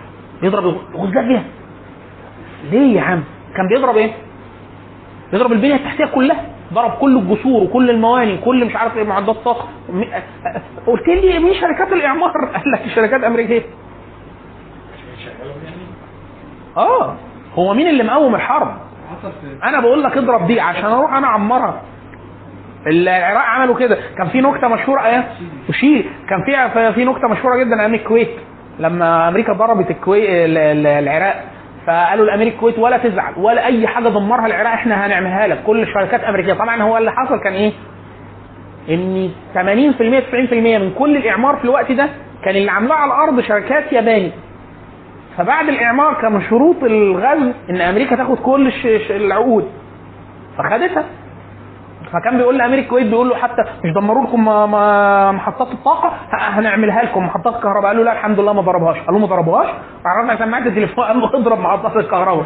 اللي هي فكرة إيه؟ اللي هو هو إحنا اللي بنضرب مش صدام اللي بيضرب. إحنا عايزينه يضرب كل حاجة. ليه؟ لأن إحنا هنضربه فهنستفاد وإحنا هنعمر المنطقة ونوقف البترول على اليابان وألمانيا. فإحنا إيه؟ بيعها كلها. سوريا دلوقتي مين اللي هيعمرها؟ لا ما هو لسه لسه ما قرروش مين اللي هيخربها للآخر. بس انت بص على سوريا. شوف المناظر. إيه اللي واقف في سوريا؟ مفيش حاجة دمشق وال وال- والجزء البنيه التحتية كلها على الأرض. خلاص؟ طيب عسكريا. انت كنت خطر على إسرائيل. كيماوي. شالوا خلاص؟ فانت في حاجات يعني إيه؟ عشان كده هم إيه؟ كل القوى حاليا متفقة إن إيه؟ بقاء نظام متماسك في منطقة معينة. طب والباقي؟ خناقة. لا خناقة. آه، كردستان آه ولا لا؟ إسرائيل بتقول آه أمريكا بتقول آه تركيا بتقول لا. روسيا لسه مش عارفين. آه، تركيا مع منطقة عازلة ومنطقة آه، حوريه مست... سوريا مستقلة. سوريا مع موانئ على الساحل. وقدره متماسكة للنظام واجرع آه، طيران مش عارف فين. وهكذا. فلسه هم لسه ما يعني آه، أول ما يتفقوا هنعرف. أول ما يتفقوا. كله عايز يعني في ما هو لازم في السياسة يقول لك إيه؟ لازم نوصل لمرحلة كله مرضي. كله مرضي. لا لا حتى لو هننزل على قوات على الأرض. بس إحنا حاليا دلوقتي إحنا بننزل آه باتفاق لحظي. يعني إيه؟ أنا نازل الحتة دي ما تضربش. زي أمريكا لما كانت بتضرب قالوا للروس إحنا هنضرب في المناطق الفلانية. هنضرب القاعدة الجوية الفلانية وضرب إحنا مش عارف وهكذا. لا هم لو وصلوا لاتفاق مش هيحصل ده خلاص.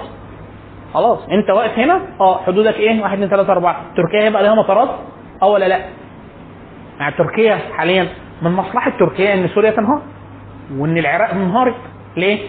بدل زمان ما كان عنده هنا دولة قوية ودولة قوية هو حاليا الراجل بيروح ويجي آه، عايز يزرع آه، آه، ورد أحمر.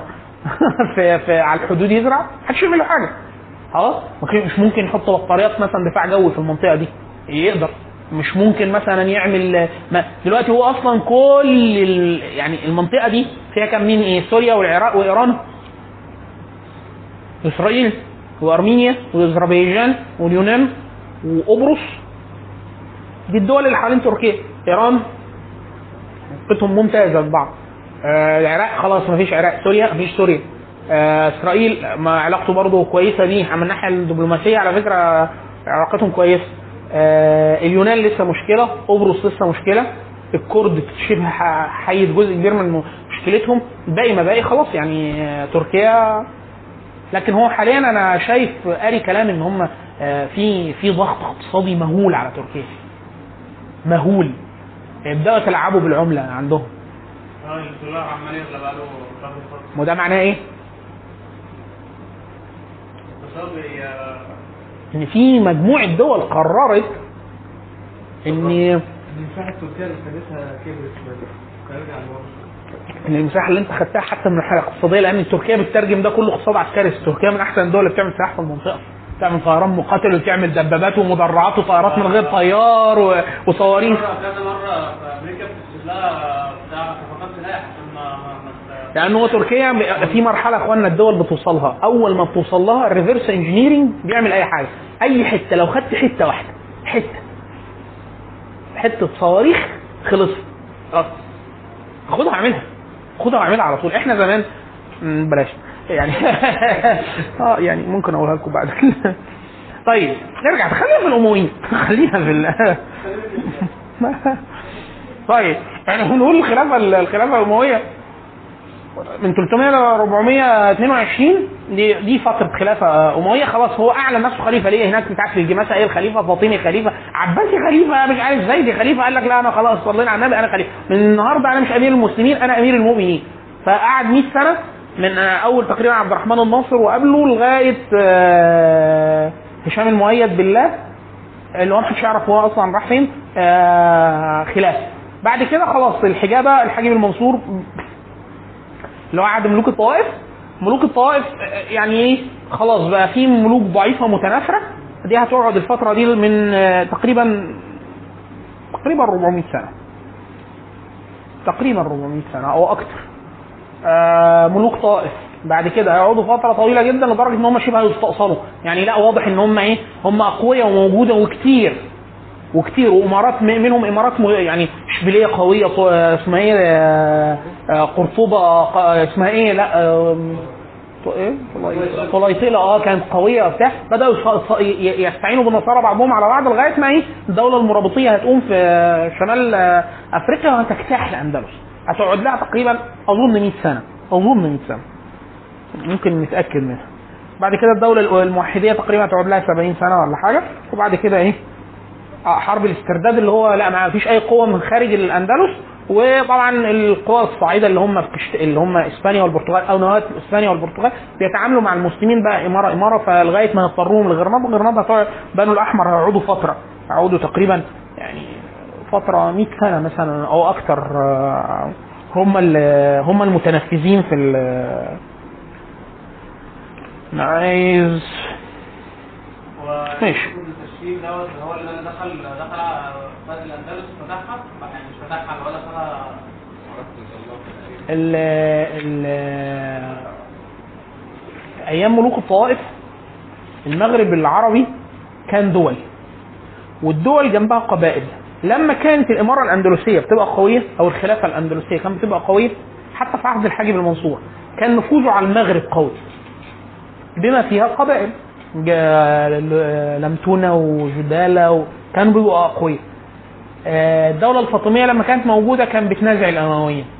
لما ضعفت الدولة الفاطمية خلاص القبائل رجعت على قديمه ودول منفصلة. حلو كده؟ لغاية ما يظهر اللي هو عبد الله بن ياسين اللي هو الداعيه تونسي هيتم استعانة بيه من قبل القبائل ال- القبائل اللي هم جدالة ولمتونة هيحققوا الدعوة ونشر الإسلام وبتاع. الراجل هيتطور من مجرد فقيه اللي هي مصلح اجتماعي الناس مش هتستحمله هيمشي ويروح حوض نهر السنغال. هيقيم هناك مع مجموعة تشبه حركة صوفية بس ليها نشاط عسكري وهيرجع لهم تقريبا ب 1000 طالب علم ولا حاجة زي كده. الناس اللي كانت معاه في حوض نهر السنغال يأمر بالمعروف عن المنكر بالقوة. فهتجتمع عليه القبائل الناحية القبليه مع الدعوة للإسلام مع لغاية ما إيه؟ يعني يتحالف مع أمير قوي اللي هو آه، أو قائد قوي قبائلي اللي هو يوسف بن تشفين. يوسف بن تشفين أول ما هيتحالف معاه هيجتاح بقى اللي هو إحنا بنسميه السودان.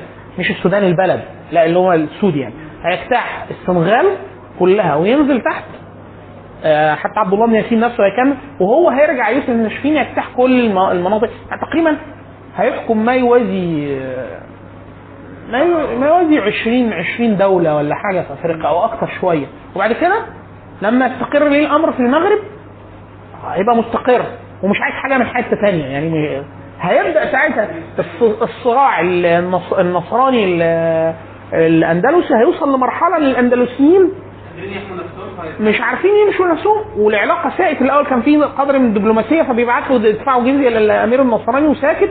فأما هيضايقهم أحد الأمراء الأقوياء اللي هو المعتمد بن عبد الباقي صاحب إشبيلية هيبعت حد من الفقهاء اللي هو الوليد أبو الوليد الباجلي المالكي هيقول له لا.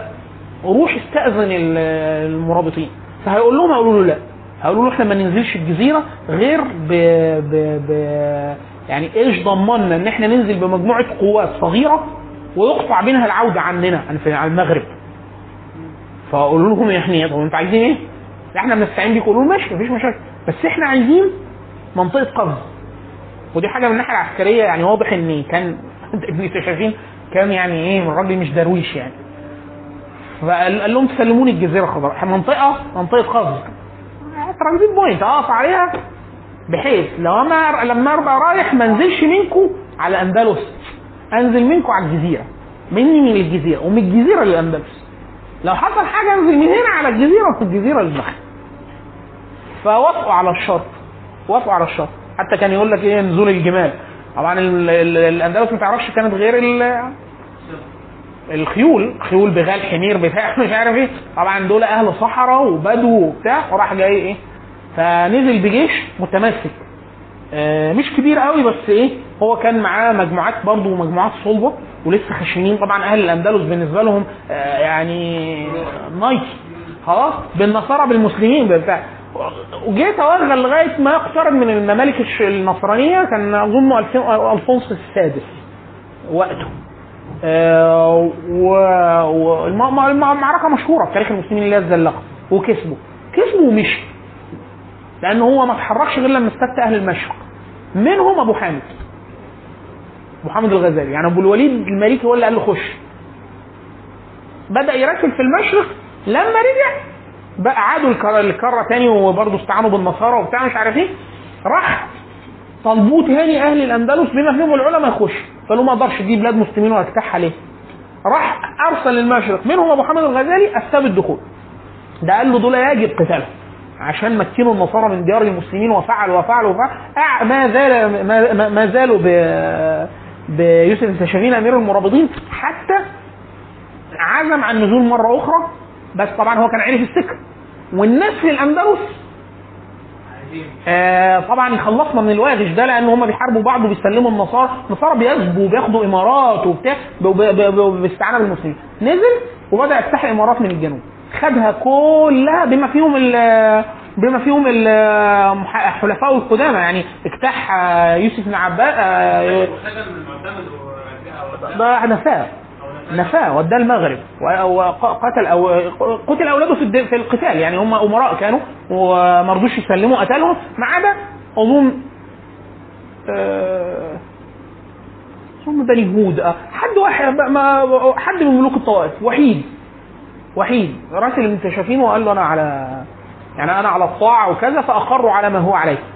واجتاح كل الأندلس وخلى وضمها للإمارة ال- الإمارة المغربية. حتى ممكن أقول لك أقول لك آه، تواريخ لأن هم بيقسموها النزولات المرابطية آه، آه، الحملة الأولى اللي هي حملة الزلاقة والحملة الثانية اللي هي حملة نزل خد خد الحصن اللي هو النقطة اللي هيتحرك منها. وبعد كده حملة المرابطين الثالثة اللي هي ضم دي اجتاح فيها الأندلس كلها. قعدوا تقريبا من 483 الدخول ال- الأخير لغاية آه، آه، 483 تقريبا قعدوا أكثر من 30 سنة.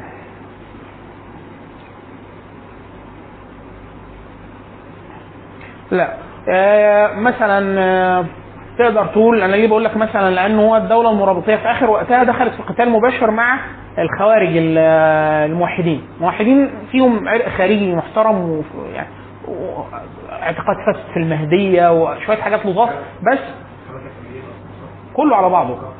تشيع على اعتزال على خروج على اعتقاد فاسد في المهدية. كانوا كوكتيل ممتاز.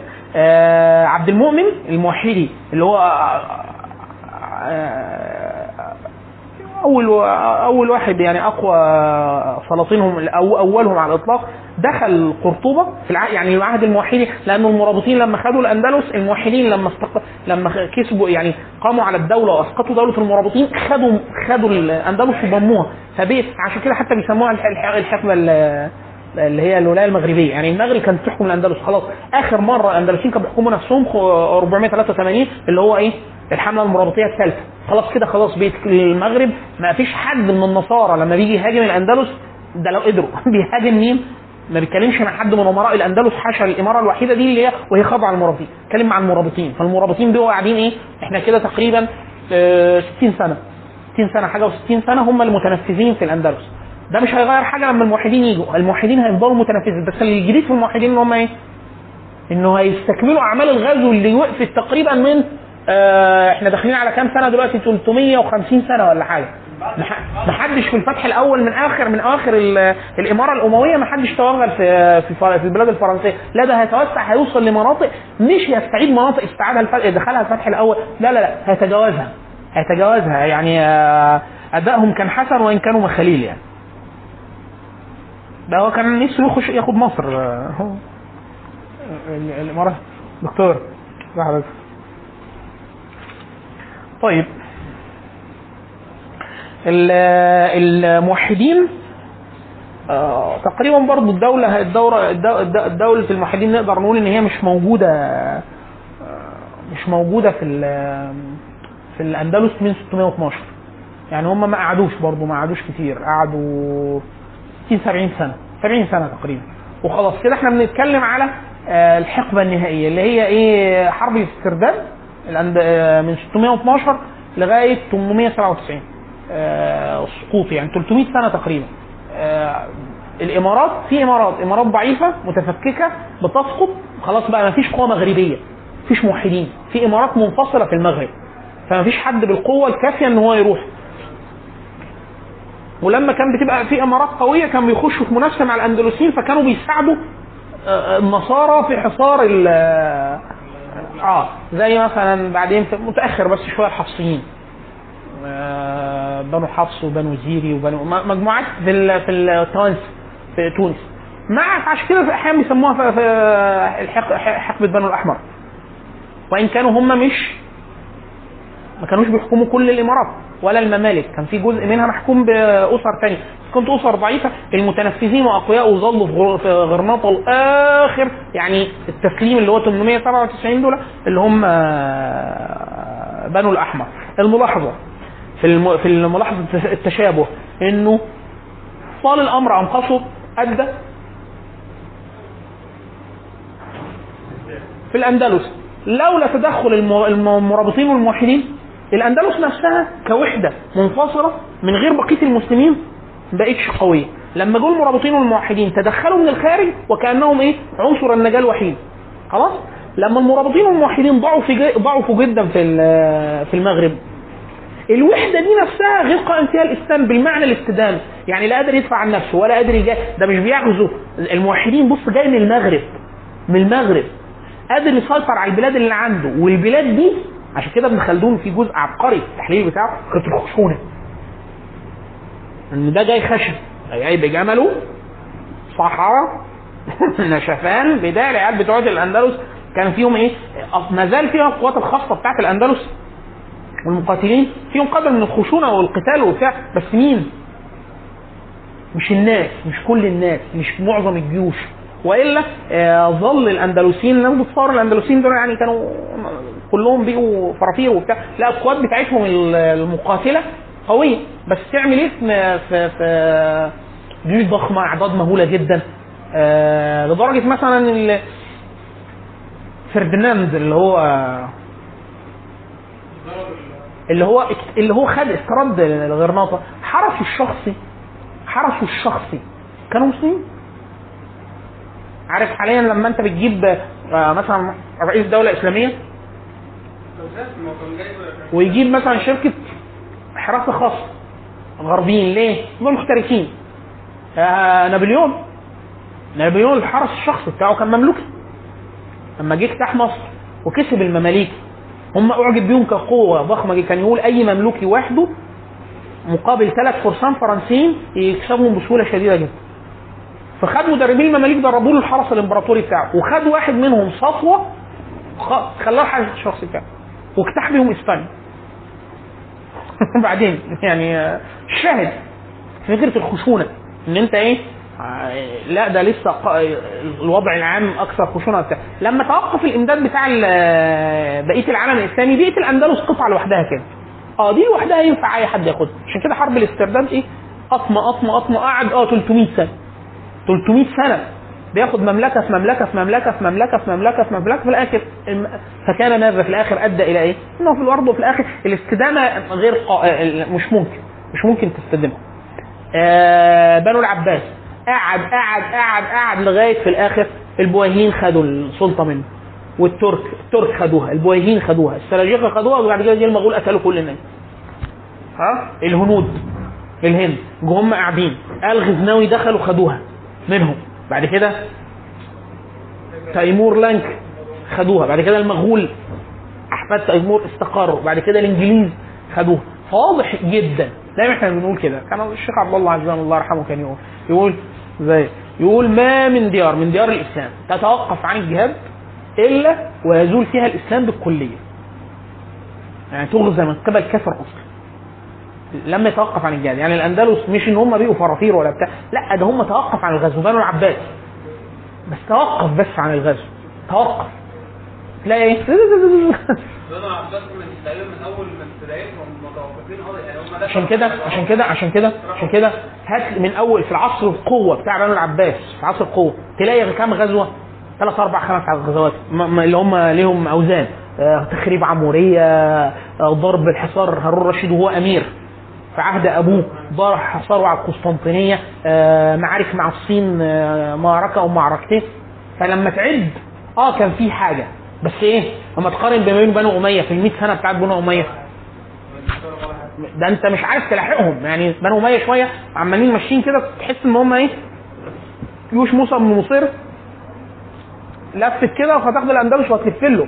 شكله هيل... شكله شكله فعلا اللي يشوف الخريطة يحس إن هو إيه؟ هو رايح ناحية أرمينيا واذربيجان وعمال بيحاول يخش على الروم وضارب حصار حوالين القسطنطينية وبيلف بياخد آه، الجزر الجنوبية وبعد كده عمال يخش له من الجزر جنوب إيطاليا وبعد كده لف خد خد شمال أفريقيا كله قعد على حيله لا راح داخل الأندلس قعد على حيله لا خلصها وراح راح على جبال البرتات وراح على فرنسا ودخل المعارك اللي خسرها في عمق فرنسا يعني بينه وبين باريس كان 15 كيلو. فاللي هو فكرة إيه؟ لا لا ده جد كان جاد كان جاد فعلا إن هو عايز. كانوا هم دايما الكلام على السنة ال- الأمراء اللي هو تحويل البحر المتوسط بحيرة إسلامية. فان لم تجاهد آه، استؤصلت. قول وما. ده مش ذله بس ده يعني يعني العالم يعني دي سنه الله في الأرض. بس هو في الآخر دفع عشان كده إحنا كنا بنسميه الدوره الدفع ليه؟ لأن هتقوم بيه بنيه سليمة والوجه الله هيبقى جهاد. مش هتقوم بيه لله هيبقى دافع برضه. ما هو في الأول وفي الآخر ولولا دفع الله. لولا دفع الله الناس بعضهم ببعض. لهدمت صوامع وضيع لما عشان كده رب العزة لما سمى الأشياء اللي بتخرب سمى إيه؟ صوامع. مش في المسلمين. وبيع. مش في المسلمين. وصلوات دي بتاعت اليهود. ومساجد يذكر فيها اسم الله كثيرا. فهي فكرة إن هو إيه؟ ما من أحد يستطيع القيام على أي شيء بدون أن يحمى فأنت مش هتعرف تحمي نفسك حتى مش من باب الديانة. سيدنا خالد بن الوليد قال لهم كده في فتح العراق قال لهم إيه؟ وهب أنه ليس يعني أنتم مش بتغزوا لله ما فيش آخرة. فوالله إن لم يكن بيننا وبينهم إلا ضيق العيش وكذا لجلدناهم على هذا الريف أو الأرض السواد حتى تكون لنا أو لهم. فيعني هب الأمم كلها بتدافع كده غلاسة. المغول. المغول جايين يعملوا إيه؟ آه إحنا جايين هتاخدوا أسرى. لا نقتلهم كلهم. طب كتب. لا هنحرقها كلها. طب طب أنتوا عايزين إيه؟ مش عارفين. إحنا جايين نخرب الدنيا وماشيين. فهو يعني حتى من باب البهيمية المطلقة آه بيحارب. فأنت على ويرجو ترجون من الله ما لا يرجون. يعني المفروض يعني بيقول إن اي حاجة موجودة على الكون يعني بيبقى في صراع بين حاجتين. الذره في موجه وسالب فعيب المسلم يبقى قاعد أصلا وبيتضرب وهو ما بيتحركش يعني ده ما بقول لك من الناحيه البهيمية المحضه مش مش ال والإمام الشافعي كان يقول إيه؟ كان يقول من استغضب فلم يغضب فهو احمر. والبردوني شاعر اليمن المعاصر كان يقول أمه ألا تعادين العدا من لا يعادي من لا يعادي لا يوالي. لو أنت ما بتعرفش تحارب؟ طيب أنا يعني كلام عن السلاجقه إحنا قلنا طرف عن السلاجقه طيب إحنا عايزين نمتحنكم في إيه؟ عايزين خلفاء بنو أمية المشجرات بتاعتهم أنا أي حاجة همتحنكم فيها هرفعها لكم صح كده؟ بحيث إيه؟ أبقى أنا إيه؟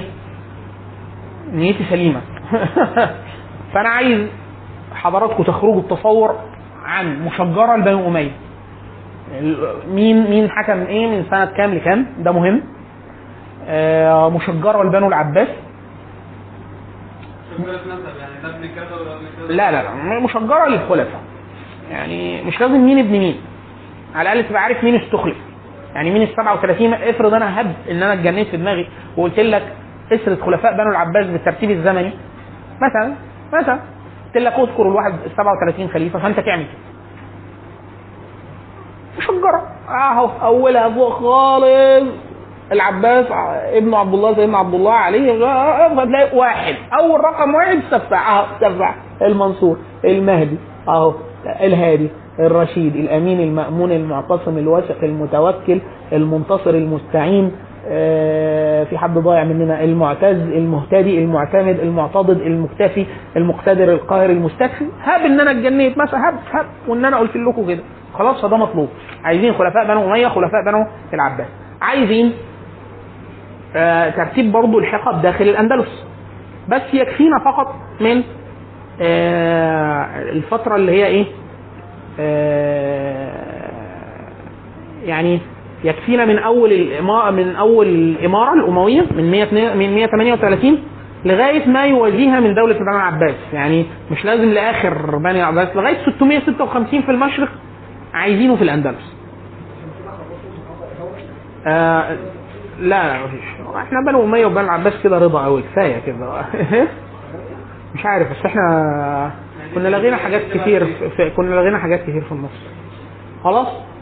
وعايزين أسماء السلاجقة العظام.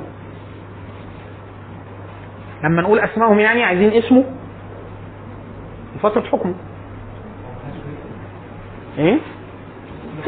اللي ما بي عم- عشان مش هيبقى تاني. هيهرب. ها؟ عشان اثنين آه.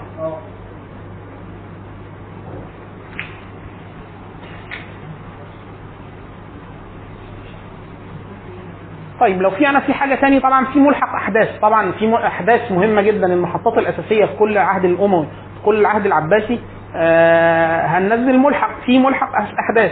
هنبقى عاملين علامات علامات على الحاجات اللي هي اللي هي المفروض ما ينفعش تخرجوا من ما تبقوش عارفينها أو ما تبقوش فاكرينها دايما. يعني مثلا قيام دولة بنو اميه عايزين نعرف معركة الذئب إمتى؟ عايزين آه آه، اسمه إيه ده؟ آه آه، ال- المعارك الكبرى بتاعت السلاجقة إمتى؟ عايزين سقوط بغداد إمتى؟ عايزين قيام دولة آه، مثلا آه، السلاجقة يعني المحطات الرئيسية. فدي هنعلم لكم في ملحق الأحداث. هنقول لكم هي دي الإيه؟ المحطات الأساسية. خلاص؟ آه، مش لازم خرايط يعني نكتفي بهذا ال- القدر من من المطلوبات. لو حد عنده سؤال أو اقتراح أو امتعاض أو يعني اتفضل نعمله عشان برضه نكتشف ان إحنا في عدم الجنسيه عشان بيبقوا مش عارفين هو ده ليه يعني. إيه فايدة إن إحنا ندرس تاريخ أصلا؟ لا لا لا عموما يعني في الواقع من باب إن إحنا عرفنا وخلاص لا عايزين كده يعني. ال ال كا- كان في حد آه، ليك عبارة مشهورة جدا كان يقول الذي آه، الذي لا يعلم ماذا وقع قبل مولودي آه، مولده يظل طفل طوال عمره. يعني أنت طول عمرك هتبقى تصوراتك ساذجة جدا عن الحياة. يعني في واحد يقول لك إيه؟ إحنا بص لو إحنا عملنا كذا اتعملت. لو إحنا عملنا حاجة مش عارف إيه حصل. لو إحنا وهكذا. فبيبقى عنده ثراء ضخم جدا في الخبرة لأنه وقائع حصلت. وقائع حصلت بالفعل. دول قامت وانهارت مش كده لما واحد بيشغل التاريخ يدرس مثلا وانتوا بتذاكروا لل الدولة الامويه الدولة العباسيه لما تشوفوا الملاحق وبتاع دول بتقوم. في واحد كان بس ناشر بوست من فترة حلوة قوي قوي. كان عامل يقول لك إيه؟ اليوم الأول. اليوم الأول. بعثة النبي صلى الله عليه وسلم وقيام الراشدين وسقوط الفرس يوم من أيام الله ده يوم. كل ده يعني 100 سنة. بس ده اليوم الأول. اثنين. اليوم الثاني. قيام قيام الروم محاصرة محاصرة الساحل الإسلامي من نزول أخذ بيت المقدس. مش عارف إيه. اليوم الثاني. اليوم الثاني 100 سنة 200 سنة ده يوم. يقول لك إيه؟ اللي بعد كده. طرد الامارات الصليبية قيام العثمانيين اجتياح أوروبا سقوط القسطنطينية حصار مش عارف إيه اجتياح يوم ثاني ثلاثة أول معارك خسارة العثمانيين حصار الدولة العثمانية دفع الجزية مش عارف إيه الدولة العثمانية تدفع الجزية. اليوم الثالث. أربعة نزول شركة الهند الشرقية في الهند حصار آه، الأندو... الأندونيس نزول البرتغال في اليمن مش عارف إيه، اليوم الثالث.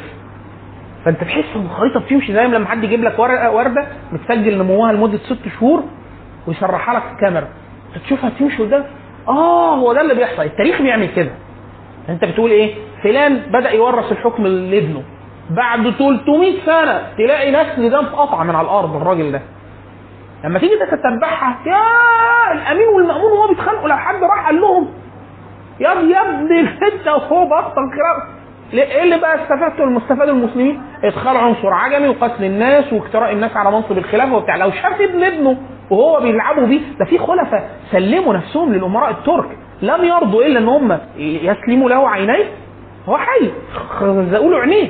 ويسيبوه يموت كده أو يحبسوه يموت من العطش أو ده اللي هو إيه؟ أنا أقدر أقول إن ده كفل ليه كفل من ال... اللي هو الاقتتال الأول بين ليهم كفل مما مما حدث بعد ذلك.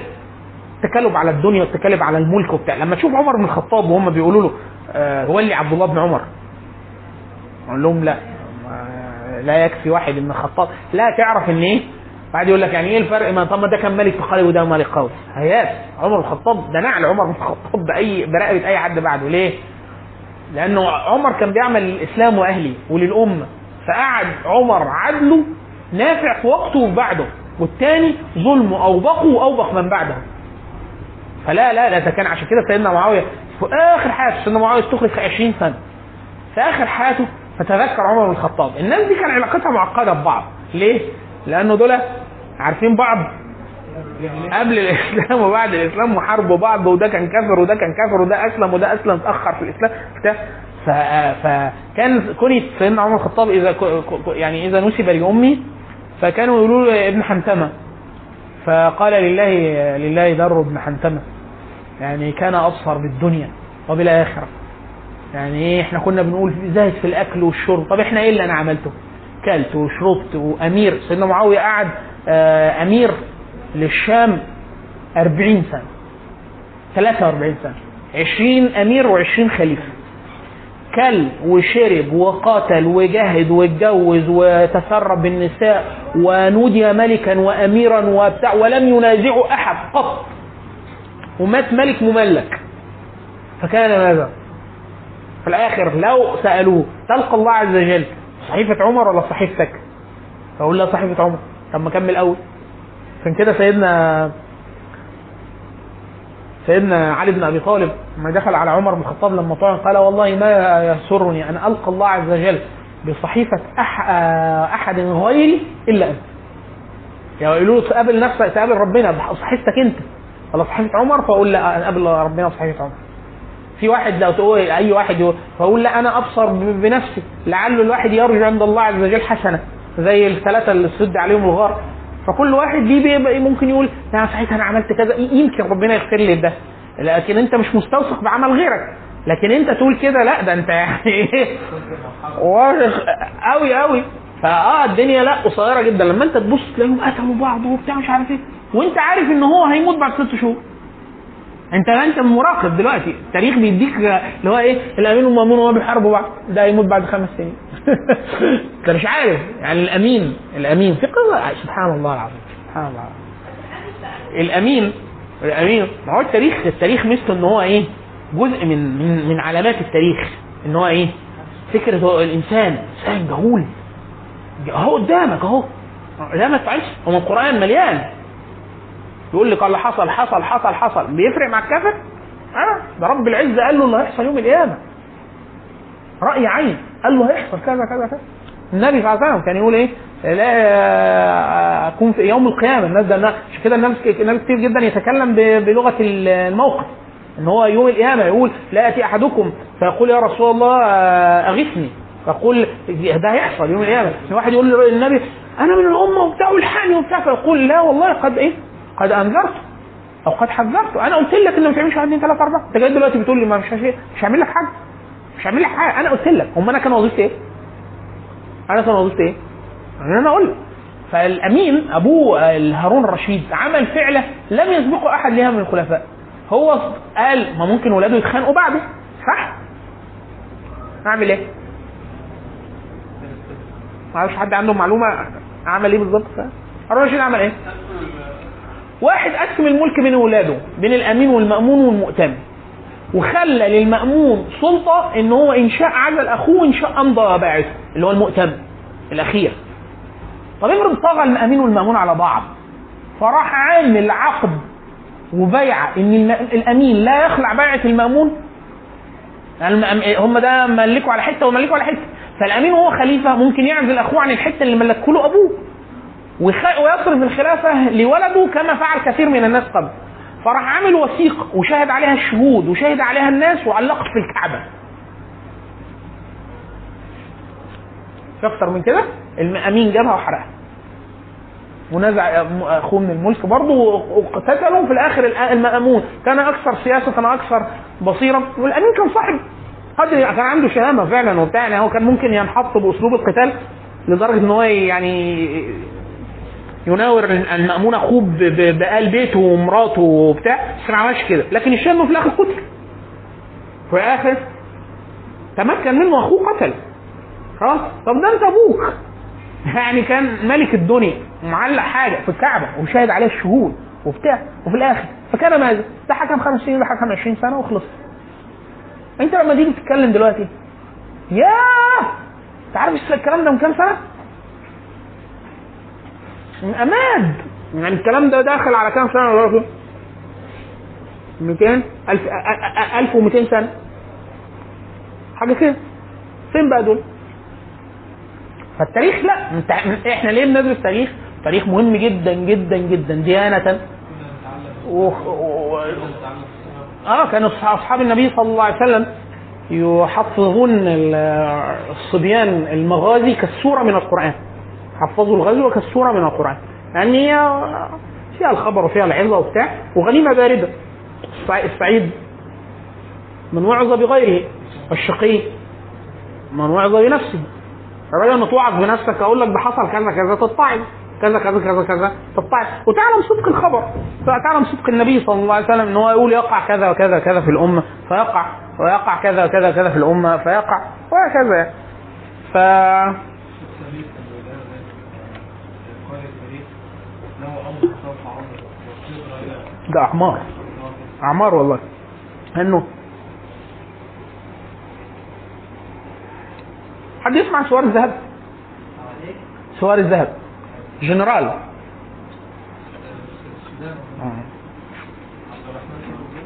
كان حصل انقلاب عسكري في السودان من قبل جنرال اسمه سوار الذهب. معاصر عايش لغاية دلوقتي ربنا يطول في عمره. فعمل انقلاب في السودان وغير نظام الحكم.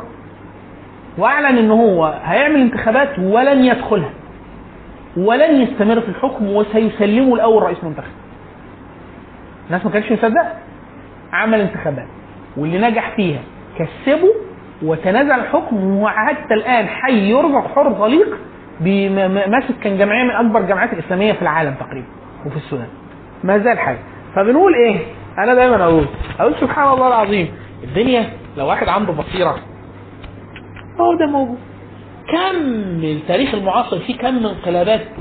بالهبل طب فين الناس؟ فين اللي راح وفين اللي انقلب وفين اللي وبتاع فده أهو واللي يعني سبحانك اللهم وبحمدك أشهد أن لا إله إلا أنت أستغفرك وأتوب إليك. بارك الله فيكم شكر الله لكم. آه الرجاء يعني لو كنتم انتفعتوا بشيء فيعني لا تنسونا بدعوة. ولو كنا اسانا ليكم أو يعني غثتنا عليكم في في الموسم ده. فنتمنى يعني إن أنتم إيه ما تدعوش علينا. ونعوضها لكم إن شاء الله في مواسم ودورات تطرفية أخرى. يعني نلقاكم على خير إن شاء الله في الخير. هو الذي بعث في الأميين رسولا منهم يتلو عليهم آياته ويزكيهم ويعلمهم الكتاب والحكمة وإن كانوا من قبل لفي ضلال مبين.